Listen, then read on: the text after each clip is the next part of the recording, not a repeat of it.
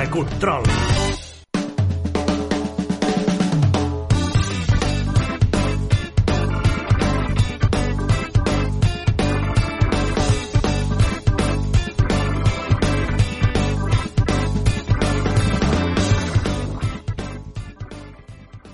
Bona nit. Una nit de sense control. Dues hores de descontrolar-nos culturalment. I com sempre, acompanyada del productor i locutor Nacho Encinas. Bona nit, Nacho. Bona nit, què tal, com estàs? Et veig quadrada, quadriculada. Com, com et quadres. tens? Avui, avui m'he quedat a quadres. Per una bona causa, per això? Per molt bona causa. Que al final ho direm. Al final ho direm. Sí, tenim bones notícies eh, que explicarem al llarg del programa. Sí, sí, sí. Molt sí. bones. Doncs, com sempre dic, la vida sense cultura no tindria sentit. Comencem sense control. Sense control.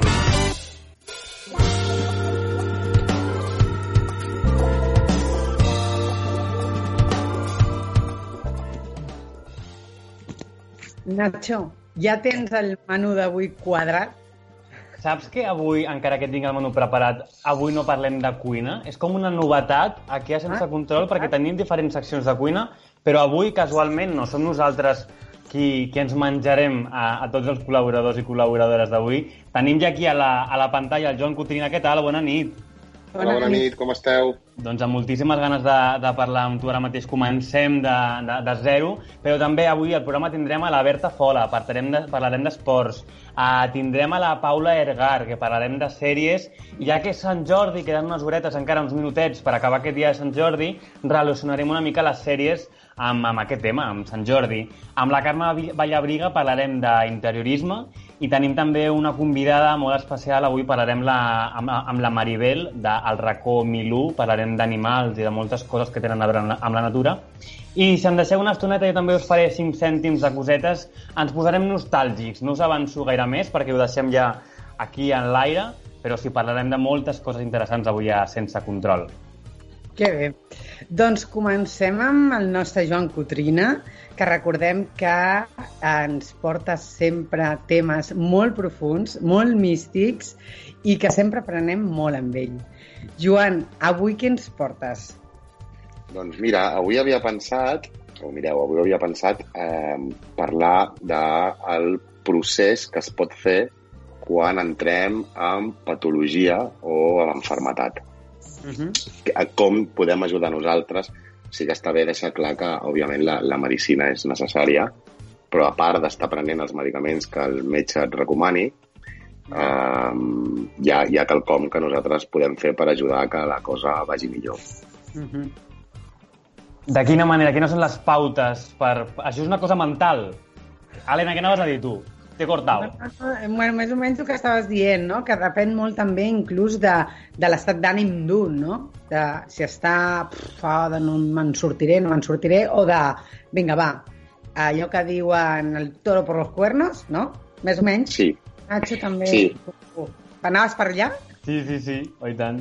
Uh, diguem que, que quan, quan si, ens, si, si, si fem cas a, les, a tot el que hem estat parlant durant els programes anteriors, aquí hi entrarien d'una manera important la llei de causa-efecte i la llei de correspondència i la llei del mentalisme. Com que jo des del meu punt de vista penso que nosaltres som els responsables de tot el que ens passa, sigui d'una manera conscient o sigui d'una manera inconscient, que nosaltres no som conscients que ho estem fent, però ho estem fent, doncs jo, jo entenc que quan, que quan, que quan, quan, quan, quan t'agafa una patologia, quan tens alguna cosa, d'alguna manera, sigui d'una manera molt conscient o d'una manera molt inconscient, tu, tu hi tens una part important. Uh -huh. Aleshores, eh, arribats a aquest punt, eh, hi han coses que es poden fer eh, per ajudar que la patologia eh, marxi eh, o l'enfermetat marxi eh, el més aviat possible. Mm, diguem que eh, a veure com ho definiria per, per, perquè, perquè fos d'una manera fàcil i clara. Diguem que d'alguna manera tu pots crear en el teu cervell, en la teva ment, més que en el teu cervell, un laboratori. un laboratori per poder tractar totes les coses que tu vulguis. Com que ja hem explicat diverses vegades que eh, si ho creus, ho crees, Mm -hmm. Uh, si tu... El que passa és que aquestes coses requereixen molta disciplina. Amb una vegada que ho facis, no n'hi ha prou. I després no és el mateix tractar un, un, una llagueta a la boca que tractar, que tractar un càncer, òbviament. Sí. Si deixem a part el món científic i entenem que quan ens agafa alguna i tenim un diagnòstic mèdic de la patologia eh, i estem en tractament, mm. això seria la, la part material, per mm. dir-ho d'alguna manera. Però a la part astral o a la part espiritual o a la part no material és on nosaltres podem tenir d'alguna manera accés a la nostra ment i fer una sèrie de processos que tenen diversos noms. Per exemple, el mètode Silva, que és bastant conegut, és mm. un d'aquests processos. Bona, nosaltres, amb, eh, nosaltres amb la, amb la Ordre Rosa Creu també eh, fem aquests processos que no tenen aquest nom, però no deixen de ser similars. Mm. I si voleu, bueno, pa, entro en matèria perquè, perquè entenguem sí. com, com es fa això i que, perquè ho pugui fer, entendre tothom i ho pugui fer la gent si és que, si és que vol provar-ho. Perquè aquí parlem d'un món més físic, mental i no d'un altre més espiritual o no té tant a veure amb això? Per acabar d'entendre com és el procés, eh? No, no, el procés és totalment en el món... És que aquí també hauríem de, de delimitar les paraules, clar. O sigui, uh -huh. l'humà, el ser humà, té cos i té ment. Tot el que es refereix al cos és el, és el món material. Uh -huh. I en el món material menges, tens una sèrie de necessitats eh, fisiològiques, estàs regit pels sentits, a la vista, l'olfacte, el tacte... I en el món no material, que pertany a la ment, doncs tenim tota una altra llista de coses que, que per llei de correspondència, com és arriba abajo, com és abajo és arriba, doncs són iguals, el que passa és que no són materials. Estan dintre de lo que és... A mi no m'agrada gaire fer servir la paraula espiritual, perquè s'associa, si no tens un coneixement important del, del tema, a coses poc palpables, eh, espíritus, àngeles, eh, coses d'aquestes que dius, bueno, vale, ja m'estan venent una moto, no? Aleshores, jo prefereixo parlar del món no material, que uh -huh. existeix, perquè la por, eh, el, la felicitat, la tristesa, eh, la ira, tot això són coses que existeixen i que són reals, però que en canvi no estan en el món material. Aleshores, aquí entraríem també amb la llei de la vibració, emeten una vibració. I aquesta vibració afecta en el món material perquè tot el que crees a baix té una repercussió a dalt i tot el que crees a dalt té una repercussió a baix. De fet, qualsevol pensament que tu crees en la ment ha de tenir una sortida en el món material, perquè tu l'has creat, no l'ha creat ningú més que tu. Si tu comences a pensar que tot això és una merda, que no sé què, que no sé quantos, que no em sortirà bé, que quina, ah, que quin desastre, que tal... Tot això ha de tenir una repercussió perquè tu has creat alguna que lluita per ser i no ho ha creat ningú exterior, ho has creat tu. I aleshores és quan ens trobem amb el hosti, però si jo no vull estar així, ja, però estàs veient el que crees ja. inconscientment a dalt, en el món, en el món eh, no material. I m'atreviria a dir que gran part de les coses, si no totes, primer passen pel món eh, de dalt i després es manifesten en el món de baix. Aleshores, si, si acotem això eh, a una malaltia, i ho podríem fer, per exemple, amb algo senzill com, no ho sé, uh, una faringitis, una faringitis potent. Una faringitis potent ens parla de que hi ha alguna en el... Perquè sempre has de, has de, has de fer... O sigui, la, la pregunta que t'has de fer és... No em surt en català, perquè no sé quina traducció té en català. Seria per a què? Per què? Jo tampoc ho he trobat en català, però no. sí, és, és un per què amb un accent o sense accent, no? Sepa, sí. Jo no separat. Per què és una cosa, però per a què Quin motiu? Una, sí. O sigui, què, què és el que hi ha darrere, no? Aleshores, tu quan ah. tens una patologia, la primera pregunta que t'has de fer és ¿para qué ha venido esto? ¿Para qué yo he atraído esto, no? Està clar que amb una faringitis el que no pots fer és empassar i moltes vegades no pots parlar.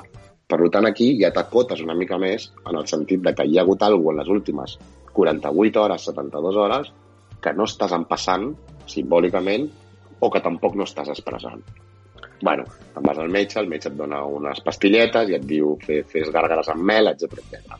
Molt bé, tot això és el tractament científic en el món material. Però en el món no material, tu hi ha una sèrie de processos que pots fer, qualsevol de nosaltres. Uh, perquè ens entenguem.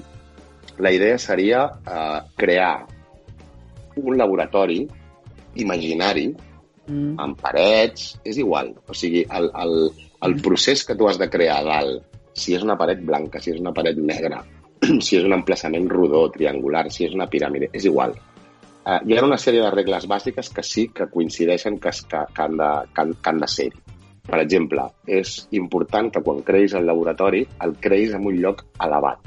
És a dir, que jo tanco els ulls i m'imagino que m'elevo. Em puc elevar amb un ascensor, em puc elevar volant, em puc elevar amb un tubo que em porta a... eh, No hi ha límits. Però la qüestió és que tu puguis passar amb la teva ment visualitzant-ho des del plano material al plano no material.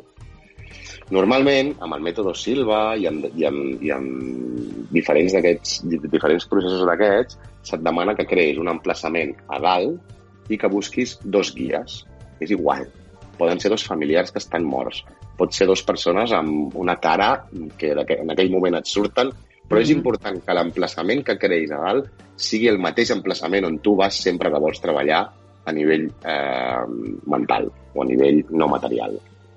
Aleshores, hi ha una cosa que ajuda molt, que això és important dir-ho també, per, per fer tots aquests processos, perquè aquests processos funcionen molt bé, jo crec que ja ho he comentat en altres programes, quan tu estàs amb les ondes cerebrals alfa, Mhm. que no són les ondes cerebrals que tenim ara. Les ondes cerebrals que tenim ara són beta, les alfa és aquest moment entre que dorms i estàs entre que no, eh, mig dormit, mig despert, després Mhm. vindrien les, les delta, que és quan estàs dormint, i al final tenim les theta, que és quan estàs amb una anestèsia profunda, que no pots respondre als inputs externs perquè estàs totalment sedat, però en canvi estàs viu.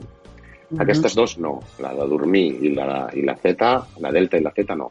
Però la, les ondes alfa eh, és des d'on es treballa qualsevol cosa a nivell mental. Aleshores, ideal és, la primera vegada és eh, assentar-te en una cadira, estirar-te en un llit, i tu pots anar al YouTube, per exemple, i Mm. dic perquè és molt fàcil, i Sí. posar alfa bineural. Mhm. Aleshores, eh, tens, tens uns vídeos que duren moltes hores, amb una freqüència que a més funciona si te la poses amb cascos, si no, si no són cascos no funciona, que el que fa és un soroll és, que és una, una ona alfa, i això el que propaga és que les, on, les ondes cerebrals de, de, de la teva ment es relaxin i estiguis, diguem, amb una energia correcta per treballar i perquè sigui més fàcil fer aquestes coses. El més complicat és la primera vegada, perquè la primera vegada has de crear l'emplaçament i els guies de zero. Però un Mhm. cop has creat l'emplaçament i els guies de zero i ho has vist, i tu ja ho tens fabricat a dalt, ja és molt fàcil anar allà, perquè sempre vas al mateix lloc. Aleshores, l'ideal és eh, crees un emplaçament a dalt, eh, li poses un parell de guies, jo en el meu cas són una senyora i un senyor que vaig crear fa 13 anys, que a més són els mateixos sempre, i que no em diguis qui són, perquè jo sé qui són, però no, no, no, no, so- no és ningú que estigui en el món material. Ahà. Potser un té una retirada a algú, la senyora té una retirada a algú altre, però són dues persones que estan allà i que jo sé que estan allà per la meva eh, disposició. Mhm. Aleshores, no, normalment el que es fa és entrar en una conta enrere que tu visualitzes de 10 a 1, és a dir, tu t'assentes, et poses les zones alfa i visualitzes un 10, un 9, un 8, un 7, un 6, un 5, un 4, un 3, un 2 i un 1, t'eleves cap amunt i en, el, en la primera vegada el que hauries de fer és crear el lloc. Pot ser un laboratori blanc, pot ser una, un hospital, pot ser un disco que està penjat a... És, és important que estigui a dalt. És a dir, és important que si mires per la finestra sàpigues que estàs molt amunt, inclús que si mires cap a baix puguis veure el planeta. Mm. Un cop estàs allà, eh, ja es tracta de crear el laboratori on treballaràs. En el meu cas, hi ha una cadira, hi ha uns armaris, jo m'assento a la cadira, obro els armaris i començo a agafar totes les eines que jo m'imagino Mm. per fer el que necessito fer en aquell moment. Mm, per exemple, en el cas de la faringitis, jo agafaria, m'assentaria, em posaria les, les ones alfa, eh, m'estaria com 5 o 6 minuts respirant tranquil·lament i aleshores començaria mentalment visualitzant-la una compta enrere de 10 a 1. Un cop estic a 1, ja passa alguna allà, entraria en aquest ascensor o en aquest eh, el que sigui que crees per, per elevar-te cap amunt i en poc temps jo ja estaria entrant en el meu laboratori, saludant els meus guies i dient, hola, què tal, vinc a fer el que tinc que fer. te sentes a la cadira i aleshores, en el meu cas, jo, per exemple, obriria un armari, agafaria una eina concreta d'aquell moment i em començaria a tractar la faringitis. Uh -huh. Començaria a veure i a visualitzar que amb aquell xorro de llum que està sortint d'aquella espècie de soldador còsmic, jo estic solucionant tots els problemes que tinc aquí. No? I això, si estàs molt fotut, és important fer-ho dos o tres cops al dia, que aquesta és la clau, com la meditació, com la respiració, com tot, que és la, la disciplina i la constància. Uh -huh. Si tu només ho fas un cop, t'oblides, no ho tornes a fer mai més, quan hi tornes al cap de dos mesos ja no te'n recordes ni el lloc que vas crear, etc etc. Però si tu realment ets disciplinat, sempre vas al mateix lloc, sempre fas la mateixa compta enrere, sempre veus les mateixes cares i fas servir les coses que fas servir, tot això, la veritat és que té, té un impacte mm, molt real i molt, i molt fort en el, en el cos humà. Uh -huh. Uh, abans parlàvem del, del mètode Silva. El, el mètode Silva és antic i, i per la gent que no ho conegui eh, se n'inventa un senyor que es diu Silva de cognom, magicà, i que els seus fills no es posaven mai malalts. Mai. I quan hi havia grips a l'escola, quan hi havia xarrampions, els seus fills no es posaven malalts. I amb una associació de pares, un grup de pares, li pregunten, oiga, senyor Silva, Com lo... no se ponen nunca enfermos, no?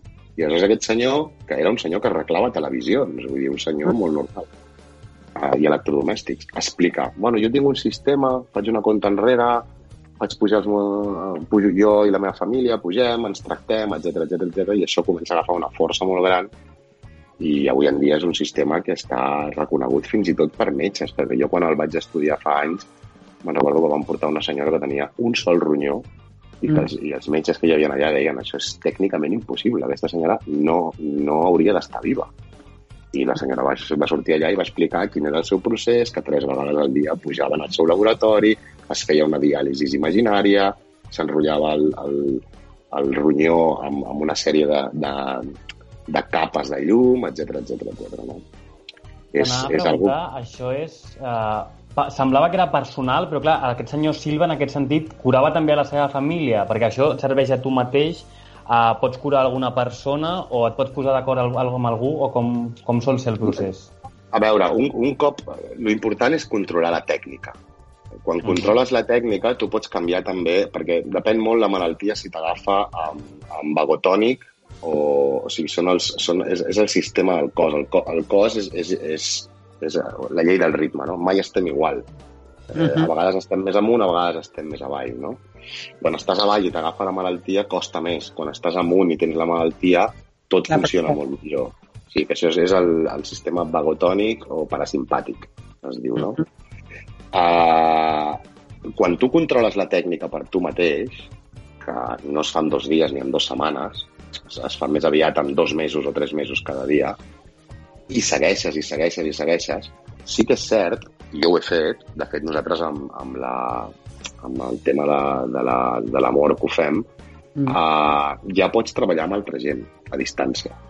Perquè mm, en el món no material no hi ha espai ni temps, només hi ha una realitat que estàs creant. Per tant, si tu tens algú fotut i jo em poso durant tres mesos, tres vegades al dia, a visualitzar que pujo allà dalt, t'assento en una cadira i faig el que t'haig de fer, és quasi segur que això té alguna repercussió en el món material. Quasi segur. Però jo diria que per la gent que comença, per la gent que ho vol provar, l'ideal és treballar amb un mateix fins que no ho tens molt per la mà. I no ho tens molt per la mà fins que no portes molt temps amb una disciplina fèrrea treballant. Aleshores, què dura? Bueno, pots estar 20 minuts, el que tu creguis que ha de durar. Clar. El que tu creguis que el teu procés ha de durar. Jo normalment tinc una rutina, pujo, em, em poso amb una... Amb una... Sé, que, sé, que sona molt estrany això que estic dient, eh? però, però est- estem parlant de lo que estem parlant. Sant Joan té un amic invisible des de petit. Sí. No, hi jo, haurà, jo pujo en un lloc, jo pujo No, en un lloc haurà- que sempre... hi haurà gent que pot pensar això, però realment el que dius, almenys per mi, té molt de sentit, perquè jo coneixia les, les sonido, els sons eh, bineurals, perquè també els havia fet en, un, en, una, en una època de la meva vida, i realment funcionen, a mi em van funcionar molt bé. però també hi ha un, un punt que és com mental, no?, de, de, de com et tu. Jo, per exemple, parlo del meu cas perquè és el que jo he viscut, no? Quan jo feia també la, els, els sons aquests, jo recordo que, que vaig... Jo era una tristor profunda que tenia i no en tenia la tristor que jo tenia, no? I, i en el, el meu cap va començar a pensar, vale, doncs anem a fer que el teu cervell es cregui que no estàs tan trista. Mhm. Jo recordo sortir al carrer somrient, com si fos una boja, però s- estava somrient tot el dia. I, i, era, i és com, com un exercici, al final. Absolutament. O sigui, al final tot són rutines i disciplina. Sí, sí, és així. Mhm. El que passa que, clar, la tristesa, totes aquestes coses, la depressió, totes aquestes coses formen més part de la ment. Sí, sí, sí, exacte. Jo, jo t'estic parlant de patologies que ja estan instaurades en el cos. És a dir, jo t'estic parlant... Jo tinc, jo tinc un amic, per exemple, que li va sortir un, una taqueta negra, Mm. eh, va anar al metge i li va dir és un sarcoma, s'ha de treure. I va dir, vale, ja vindré. I se'l va treure ell. I se'l va treure ell. Se'l va treure ell. Va trigar dos mesos, però va dir, no, no, jo, jo, jo, jo, jo, jo, jo, jo, jo, jo, jo, jo, jo, i se'n va anar al sarcoma. Era molt petitó, molt petitó, eh? Tampoc no li van dir que corria perill la seva vida, eh? Li van dir, s'ha de treure i s'ha d'analitzar. Però ell va dir, deixa'm, deixa'm, i, i, i se li va anar, no? Aleshores, tot és qüestió de disciplina, de visualització i de, Mm. i de, i de, i de seguir, seguir, seguir, perquè si, si, si ho fas dos dies no serveix per res. Clar. Aleshores, bueno, tu entres en aquell emplaçament, et treballes amb les eines. Quines eines? Un bisturí. O sigui, t'has d'obrir la panxa i posar-te un líquid, doncs t'obres la panxa. O sigui, en el món que no és material, no hi ha límit. Vull dir, si jo necessito obrir-me el coll per posar dintre una cosa i solucionar el problema que tinc, ningú m'està impedint de fer-ho, això, en el món no material. Si jo ho visualitzo, ho sento i m'ho crec, és evidentíssim que això té una repercussió en el cos físic, exactament igual que si tu inconscientment estàs tot el dia trist, Mm -hmm. Clar, clar. inevitablement això té una repercussió en el cos físic. Mhm. Aleshores, es tracta de... Mm. O com diuen que ui, quan més estiguis convençut de que alguna et passarà, alguna et passarà, t'acabarà passant. No? Bueno, perquè es, es tracta de, de crear una realitat paral·lela, de veure-la, de sentir-t'hi dintre, i això acaba tenint repercussions uh, en el món material, igual exactament que el procés invers sigui de manera conscient o inconscient. El que passa és que nosaltres, es- per la manera com ens han, ens han educat, uh, el que ens han explicat, etc etc, ens pensem que les coses són externes a nosaltres i quan t'agafa una faringitis és, bueno, m'ha agafat una faringitis, me'n vaig a un metge, que és una, una altra cosa externa, que em donarà un medicament, que és una altra cosa externa, que em traurà això que no és meu.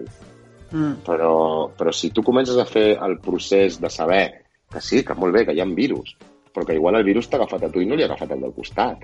O, o que tu igual tens el sistema immunològic molt més fort que el del costat. Doncs, clar, tot això té una sèrie de processos, una sèrie de perquès, no?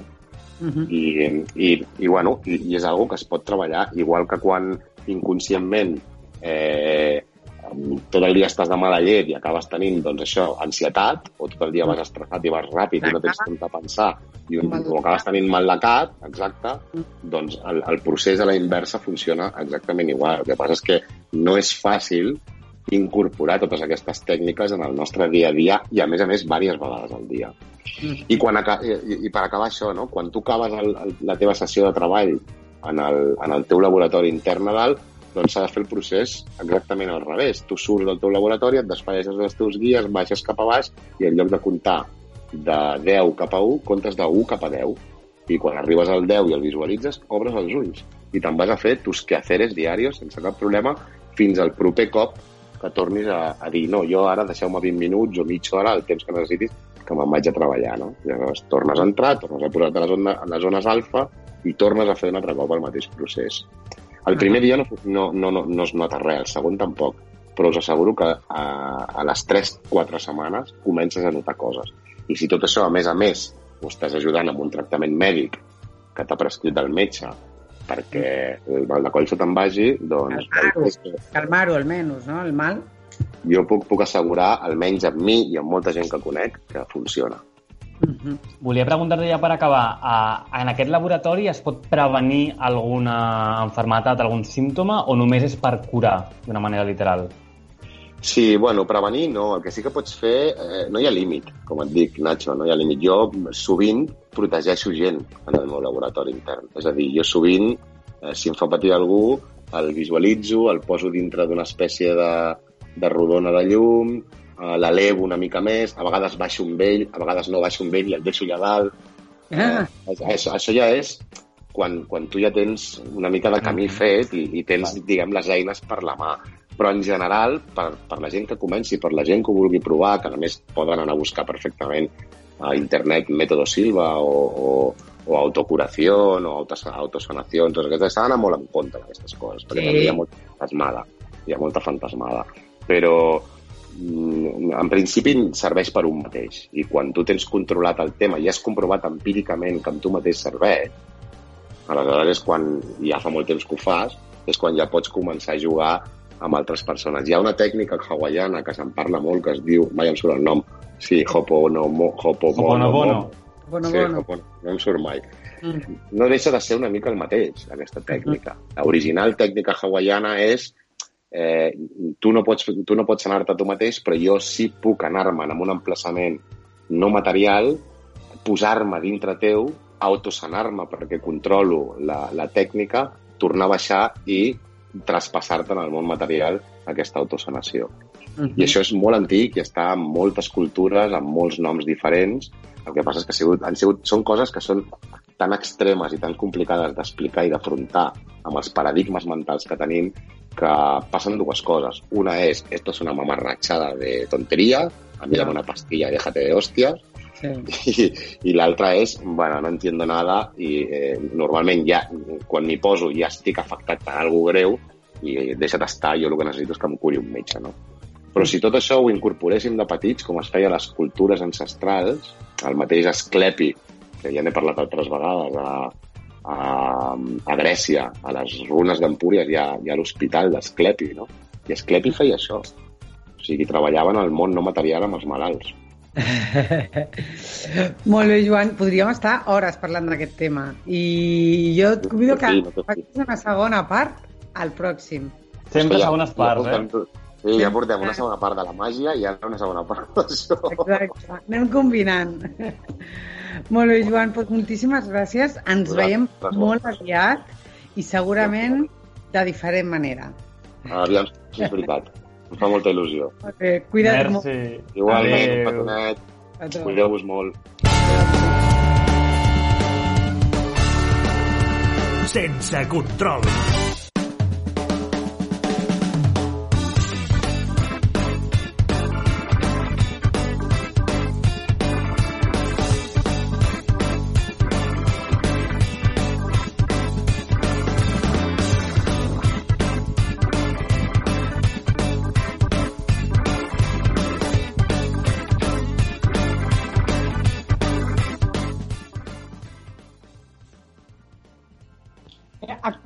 Continuació ens anem al mal, Nacho.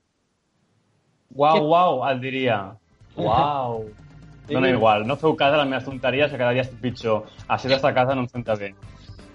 I és que convidada a Maribel, fundador del racó i parlarem dels gossos terapèutics i de tots els que fan des del racó del Milo.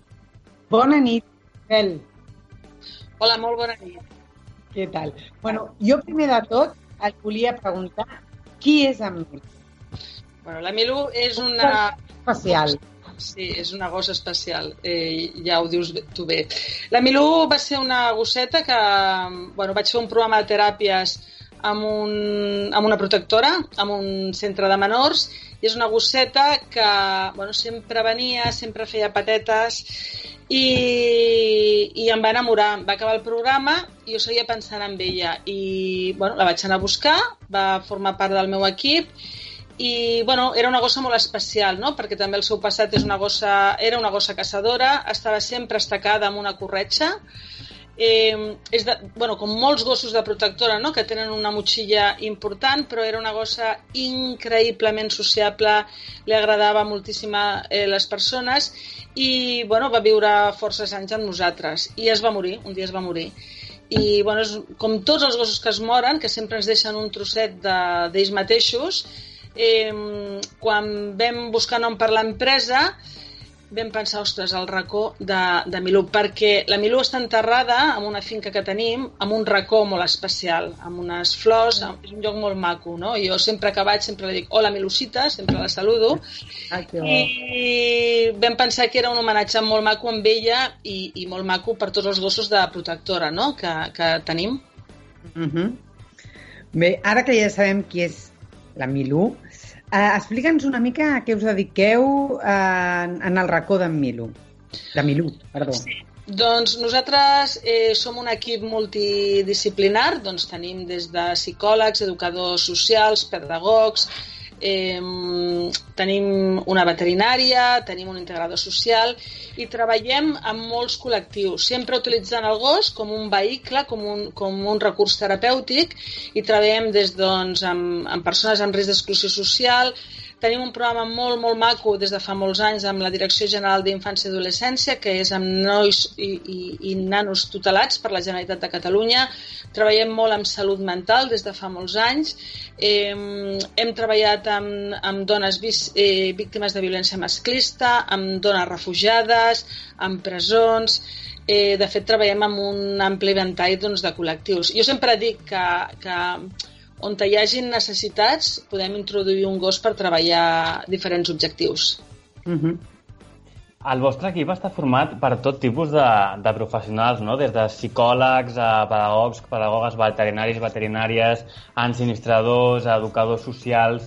Clar, sembla que... Sembla no, el fet és que els tracteu igual que els, eh, com ens tractem els humans, no? com a éssers vius que són, i potser no tenim el coneixement total de què es fa aquest tipus de, d'aquest tipus de treball, com el, com el feu. Són diferents apartats, són diferents àmbits, és un treball transversal, com es fa tot això amb cada uh, animal diferent, no? Sí. Eh, a veure, tot l'equip, en total, tenim 23 gossos, no? I la realitat és que en funció del col·lectiu amb el que treballem, doncs eh, treballa un especialista o un, un altre. Tot i que nosaltres tenim un mètode propi que eh, es basa molt amb, amb, amb la pedagogia del joc, amb, amb, amb tècniques de coaching, on bueno, eh, donem molt, esperem molt el feedback dels, dels usuaris, tot i que treballem amb la mateixa filosofia, cada persona aporta una mica la seva especialitat. A vegades hi ha programes que requereixen més doncs, d'un doncs, pedagog, no? o hi ha programes que requereixen més d'una educadora social, i llavors una mica va enfocat així. La varietat de gossos que tenim és superàmplia i normalment això fa que, que puguem ajustar molt el tipus de, de programa al tipus de gos que tenim. La nostra filosofia és que mai les teràpies tenen que anar en contra del benestar animal. Què vol dir això? Vol dir que un gos es té que sentir còmode. Per al gos té que ser gairebé un joc, no? Té que ser algo doncs, on l'impliqui estar còmode, estar content, estar feliç. Eh, llavors, moltes, no és el mateix treballar, per posar un exemple, en malalts terminals, on tu treballes a sobre d'un llit, on te requereixes de molt poca activitat, que treballar amb nens de 7 anys, on les activitats que tu faràs amb el gos seran molt més dinàmiques, la càrrega que tindrà el gos serà molt més intensa. Per tant, en funció una mica també d'això, doncs seleccionem qui treballa i amb quin gos, no? Doncs per garantir que el gos sempre estarà còmode i que no demanarem, no sé, jo tinc una gosseta doncs, de 9 anys, doncs ja comença a estar en una edat on els nens la tabalen i es veu clarament. Doncs llavors Clar. intento no, no, no portar-la en programes on hi hagi nens petits, Clar. no? Doncs perquè és un, en definitiva és una càrrega per al gos que no és just que li donem. Clar. Heu de fer molta una, una pedagogia? Cosa... Perdona, perdona. Estem els dos amb ganes de preguntar, sí. preguntar. Pregunta tu, Helena, sisplau. Jo anava a preguntar, tots els gossos serveixen per teràpies? O, o detecteu mm, aquest gos, doncs, mm, o sigui, és a dir, qualsevol gos de, tot el, de qualsevol lloc pot servir o ha de tindre unes característiques, no sé, com, com funciona? Sí, a mi m'encanta que facis aquesta pregunta perquè, mira, eh, una de les coses que més rebem són correus on et diuen tinc un gos que és extraordinari, que li encanten els nens i que m'agradaria que fes teràpies, ¿vale? I, ah, ah. nosaltres que fem un curs de formació on els alumnes poden portar els seus gossos, quan jo demano com veuen el seu gos, diuen això, no? Doncs és un gos que li encanta mm. gent que li agradi la gent és una de les parts que té que tenir un gos de teràpia, però un gos de teràpia està sotmès a carícies constant, a atenció constant, a ordres constants. Llavors, al contrari, trobar un bon gos de teràpia és super difícil. I, i requereix de... Mira, jo sempre dic que té que ser un gos que li encanti el contacte social de manera natural. O sigui, no té que ser un gos que aguanti que el toquin, sinó que de manera natural ell busqui aquest contacte, que és molt diferent, eh? Que eh, la, segona característica i molt important és que li agradi treballar. Les teràpies assistides amb gossos es basen en que les persones treballen directament amb el gos, ja siguin habilitats d'ensinistrament, ja sigui joc, ja sigui esport.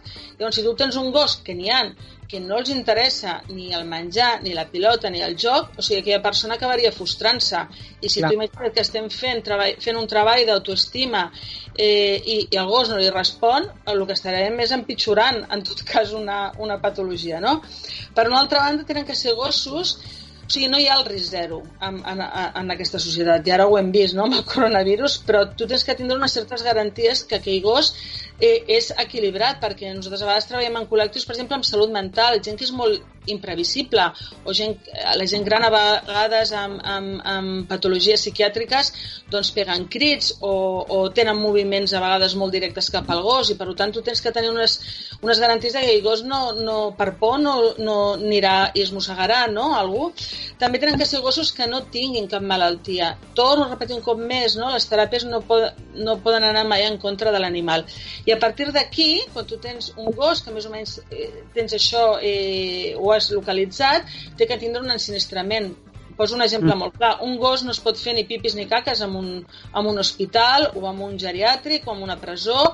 Eh, no pot anar eh, ser un descontrolat i saltar la gent perquè sigui molt efusiu, doncs perquè en, en, en col·lectiu de geriatria et pot tirar algú i trencar-li un os, no? Mm-hmm. -huh. Que sí també és important dir que no tenen que ser de raça, no? Eh, fins fa pocs anys es creia que doncs, només un llaurador o un golden retriever i la realitat del nostre equip de 20 i pico gossos, jo diria que un 60% són gossos adoptats. Eh, llavors nosaltres sempre busquem a l'individu, no la raça, perquè hi ha, perquè hi ha hi ha llauradors que són extraordinaris i, i són perfectes i hi ha llauradors que no serveixen per a aquesta feina. Vale?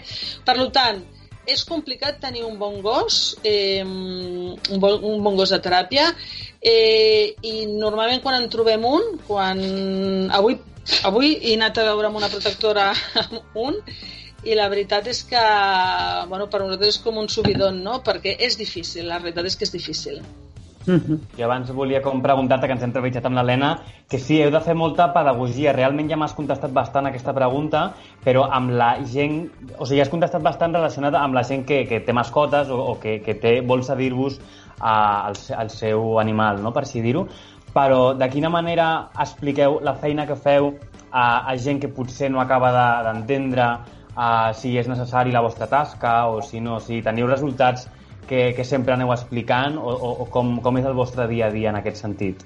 Mira, fa... Jo la, la, bueno, la, la primera empresa que vaig tenir, que era Positiva Scan, abans del racó de Milú, això fa 13 anys. I jo me'n recordo que quan intentava entrar en un centre, tu tenies que explicar i tenies que Eh, jo normalment el que feia és feia un, una prova pilot, el, els deia, mira, us ho explico com un exemple i costava molt, no?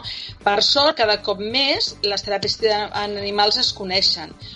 Tot i així, si ens comparem amb altres països, com per exemple per als Països Baixos, la teràpia assistida amb animals està dintre de la, de la, de la sanitat. O sigui, el metge, un pediatre, un psiquiatre, un psicòleg, un, un endocrí et pot manar que vagis a fer unes sessions de teràpia assistides amb gossos. Això vol dir que no només la percepció de la gent del carrer, sinó dels metges han integrat el que fem, la nostra feina. Eh, malauradament, aquí encara eh, ens, ens falta evidència científica. No? Eh, la societat comença a conèixer el que són les teràpies, però els metges o, o el personal sanitari encara són, bueno, doncs potser perquè els gossos estan relacionats a vegades amb malalties, a vegades eh, és una que hem tingut sempre a casa i costa imaginar com podem fer servir un gos com un recurs terapèutic, el que passa que anem mica en mica, no? I per sort, cada cop se saben més, cada cop hi ha més estudis científics, cada cop es demostra més que treballar amb animals té beneficis. I per posar un exemple que jo penso que és molt, molt interessant, i jo sempre ho recalco, és que hi ha, hi ha, hi ha estudis científics on es diu que treballar amb gossos fa que s'activin una sèrie d'hormones. O sigui, que no és només algo subjectiu que jo puc pensar perquè sóc un animalista, sinó no. que a nivell fisiològic, quan treballem amb gossos, es redueix el ritme cardíac, la pressió arterial, mm. es redueix el cortisol, o sigui, l'hormona relacionada amb l'estrès, i puja l'oxitocina i les endorfines. Bueno, això fa que fisiològicament, quan treballem amb animals, nosaltres féssim un anàlisi de sang o agaféssim una mostra de, de saliva, veuríem que aquests marcadors uns han pujat i els altres han baixat. I això són, eh, són dades reals, no és algo subjectiu. Però encara, que, encara ens queda doncs, per, per difondre, no? Encara ens queda perquè ningú qüestioni. No. Mira quina oxitocina tinc jo. Oh! oh, oh. No, no, oxitocina... Bueno, aquesta també es va ser recollida. Aquesta. Amb el confinament, tu no has notat doncs, que estàs més... Bueno, és que és, que és brutal ah, tenir gossos. Però si treballo amb ella així a sobre, mira-la. Sí, sí. O sigui, està tota, I tota l'estona em busca que la toqui, que la toqui, i per això estava així que dic Bueno, és que són font d'entreteniment, són font de companyia, de dol, de... De, bueno... de generositat. Sí, sí, sí. sí Brutal. Sí. Jo a vegades penso, eh, i em sap greu, que la gent que no han tingut l'experiència de conviure amb un gos, que no saben el que es perden, perquè realment és el que tu dius, un acte de generositat, és Total. un dels amors més purs que hi han, més purs, no, no hi ha altre, i és per mi els gossos m'ensenyen a viure la vida al moment. O sigui, és el Total. moment. Dic el mateix jo. Observes un gos i els és igual Sí, sí, sí. El, el resto estan centrats, són els que millor mediten. Sí. O sigui, estan en el moment. Sí, sí, Però sí. plou, s'ho passen d'allò més divertit, no? O almenys els meus, no? Vinga, fang, s'embruten, estupendo, la vida és meravellosa. Fa sol, la vida segueix sent meravellosa. Que fa vent, també és meravellosa. Que mengen, és el més eh, fantàstic. Que no mengen, doncs pues esperaré que m'ho donis. No passa res, sí. Aquesta capacitat de viure el moment i quan ets capaç de mirar la vida a través dels seus ulls, eh, mm -hmm. bueno, és fantàstic. Per mi m'ensenyen a viure a l'aquí i a l'ara, sempre ho dic. Totalment, totalment. Jo, jo dic el mateix, jo dic el mateix. Sí, sí pues, Maribel, ha sigut un plaer. Esperem tornar-te a tindre en el programa un altre dia perquè ens expliques coses molt, molt interessants del, dels animals. Doncs jo estaré encantada. A mi m'encanta parlar dels animals. És, bueno, no sé si ho noteu, però és, és una passió. Passió. Sí, sí. sí, jo estaria, puc estar hores, així que quan vulgueu, aquí estic, encantada. Ah pues moltíssimes Ens gràcies. deixes les hormones ben, ben pujades. Tot en ordre. M'alegro perquè ens faran falta encara, eh? Cert, cert. Doncs pues moltíssimes gràcies, cuida't molt i a continuar amb les vostres tasques que són meravelloses. Un plaer, de debò, un plaer. Igualment. Gràcies, Adéu, Adéu merci. Adéu. Sense control.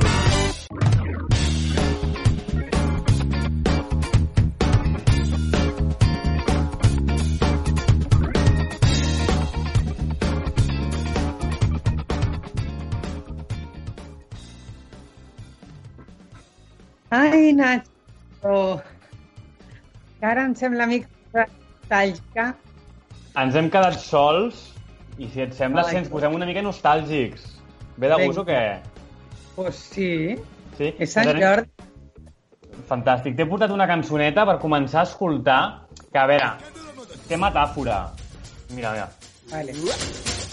Es una lata el tienes que levantar. Suficient, ja està. Ja recordo. A nosaltres ens encanta treballar. Això ho hem de dir i per això estem aquí des de, des de casa fent fa tantes setmanes aquest programa. Però aquesta cançó, no sé si et sona a tu, de, va sortir d'un programa que estaven el Pozzolo, el Dinio, l'Aramis Fuster, la Yola Berrocal, Malena Gràcia... friki máximo todo. Doncs en honor al friquisme de la vida, i aquest és una lata del treballar, sortida del programa Hotel Glam, Mm. he dit, doncs fem una espècie així de secció recopilant programes com de tota la vida, programes que estan en tots els rànquings que fan tots els mitjans de comunicació i tothom els coneixem, però que van ser mítics d'alguna manera i em diràs, i per què fas aquesta tonteria a dia d'avui, Nacho? Doncs és que resulta que torna a passar palabra a la tele. Va desaparèixer uns mesos per temes legals, ara passa a Telecinco Antena 3, però és que també diuen que tornarà Los Hombres de Paco. Ai, Deu anys després. m'encanta! També torna El Ministerio del Tiempo, que era una sèrie que va acabar, però que ara torna a fer una quarta temporada i semblava que era impossible. La tele està revolucionada, jo no li vull treure el lloc a la nostra Paula Ergar, que després connectarem amb ella i ella parla de sèries. Jo us porto diferents programes de tele que jo, sincerament, molts per època no m'han pillat, però jo em vull posar una mica així nostàlgic amb tu, a veure si tu recordes aquells programes potser més dels 80, dels 90, i hem començat amb aquell Hotel Glam. Jo no sé si la gent se'n recorda d'aquest programa, perquè només va tenir una temporada. Són d'aquells programes com que marquen època, com Verano Azul, que tothom sap que és Verano Azul, però era una temporada de, de molts pocs Ah. capítols. Però amb Hotel Glam vam descobrir la, mo- la motxilla del, del Pocholo. És que ens, ens va marcar aquell programa, eh? Sí, Va, era, va ser molt original. Era com un gran hermano, més o menys, però... Sí, era un, her- un hermano co, amb, de luxe, amb friquis i amb friquis amb ganes de fer el friqui, perquè amb, amb tot el respecte ja sabem com és la tele i, i ja sabem a cadascú el que vol i pot aportar. I en aquest hotel... Sí, era un, show, era un hotel convertit en show i que Mm. hi havia comoditats com jacuzzi, pizzi, piscina i, Mm. i això, vam, va sortir aquesta cançó Uh, és una lata del Trabajar que va ser uh, un dels temes més reproduïts durant uh, l'estiu del 2003. O sigui, hem, viatjant, hem viatjat 17 anys en el temps, eh? Imagina. Doncs viatgem molts més anys en el temps. Ja veureu aquesta secció fins a on viatjarem. Doncs mira, és un programa que va durar molts anys, però que va néixer fa 25 anys. Tu te'n recordes de Los Guinyoles? Los guinyoles? Los Guinyoles al Canal Plus era un informatiu que parlava molt de política Sí, i que eren com, sí. com mascaretes, eren com ninos. Ah, i tant! Sí, doncs, Era molt divertit. doncs va durar el programa des del 1995 aproximadament, va estar uns, uns 10 anys al Canal Plus, encara quan Canal Plus tu havies de connectar la tele i sortien aquelles ratlles, aquelles coses. Com ha canviat l'audiovisual eh, en aquests anys? Oh, Mare és meva. Sí. Doncs hi havia aquest informatiu, que era com d'actualitat eh, política i tal, i, i a mi m'encantaria que tornés. Es va això, emetre aquests 10 anys i el presentaven les versions guinyolesques, no?, de Marta Reyero i Hilario Pino, doncs, que ens parlaven a través de personatges de la vida política, la nacional, la internacional, parlaven d'esports, de cultura i de moltíssimes i moltíssimes coses. Ai, los guinyoles. Los guinyoles. Yo te guiño. Los guinyamos. Uh, més programes que calen uh, com reprendre l'es- l'esperit i que quan uh, arribem al mes una mica com d'abril i maig, ja Twitter s'omple de ojalá, ojalá vuelva este verano el Gran Prix del verano. Ah, El Gran Prix. El Gran Prix, amb el... Os- Ramon García, Ramon García, Ramon García, és veritat. les vaquilles, els pobles, aquestes proves tan divertides d'aquest programa que jo crec que és mític de la tele i que jo crec que gairebé tothom haurà vist, gairebé tothom que vegi la tele haurà vist en algun moment de la seva vida fa anys aquest programa Mm. que, que això s'ha demanat inclús, jo recordo fa més d'un any eh, signatures, recollida de signatures perquè tornés aquest programa Ah, perquè va haver un temps que, que va ser notícia que Televisió Espanyola tenia un pressupost, no sé què, i van començar a recuperar algun programa, no? Va ser quan va tornar OT, i hi havia rumors que es recuperarien més programes, i la gent deia, el Gran Prix, el Gran Prix. Total, que mai sabrem si era veritat o mentida, Ah. però era la, la intenció era, segons la gent, recuperar aquest Gran Prix. Mhm. Més, eh, anava a dir més jocs, no, més programes, el Mhm. Gran Juego de la Oca. M'encantava. No tenia que haver desaparegut mai a la vida. O sigui, era boníssim. Boníssim. Doncs, si no m'equivoco, va estar en emissió dos anys, del 93 al 95, presentat a, amb, per Emilio Aragón, per Lídia Bosch, per Patricia Pérez, I, I, sincerament, jo mai el vaig veure, perquè jo vaig néixer quan va acabar el programa. Ai, Així pues que- era meravellós. Però això que era un, un gran joc de la oca, o sigui, les persones eren... Sí, no, no, i tenies que anar de casella en casella i passaves proves, i eren proves algunes que, déu-n'hi-do, eh? Déu-n'hi-do. guai. Era molt, molt divertit. I de sobte pues, passaves... Em sembla recordar que passaves com el joc de la oca, De de pont pont, o de oca en oca, no? I cantaven. Era molt divertit, molt. molt. Doncs amb, amb aquesta música que ens ambienta en, en aquella època i en aquests jocs i en, aquestes, en aquests programes de televisió, continuem perquè hi ha un programa encara molt més antic i reconegut, jo crec que uh, s'ha recuperat molt a YouTube uh, i a moltes plataformes, El Gran Circo.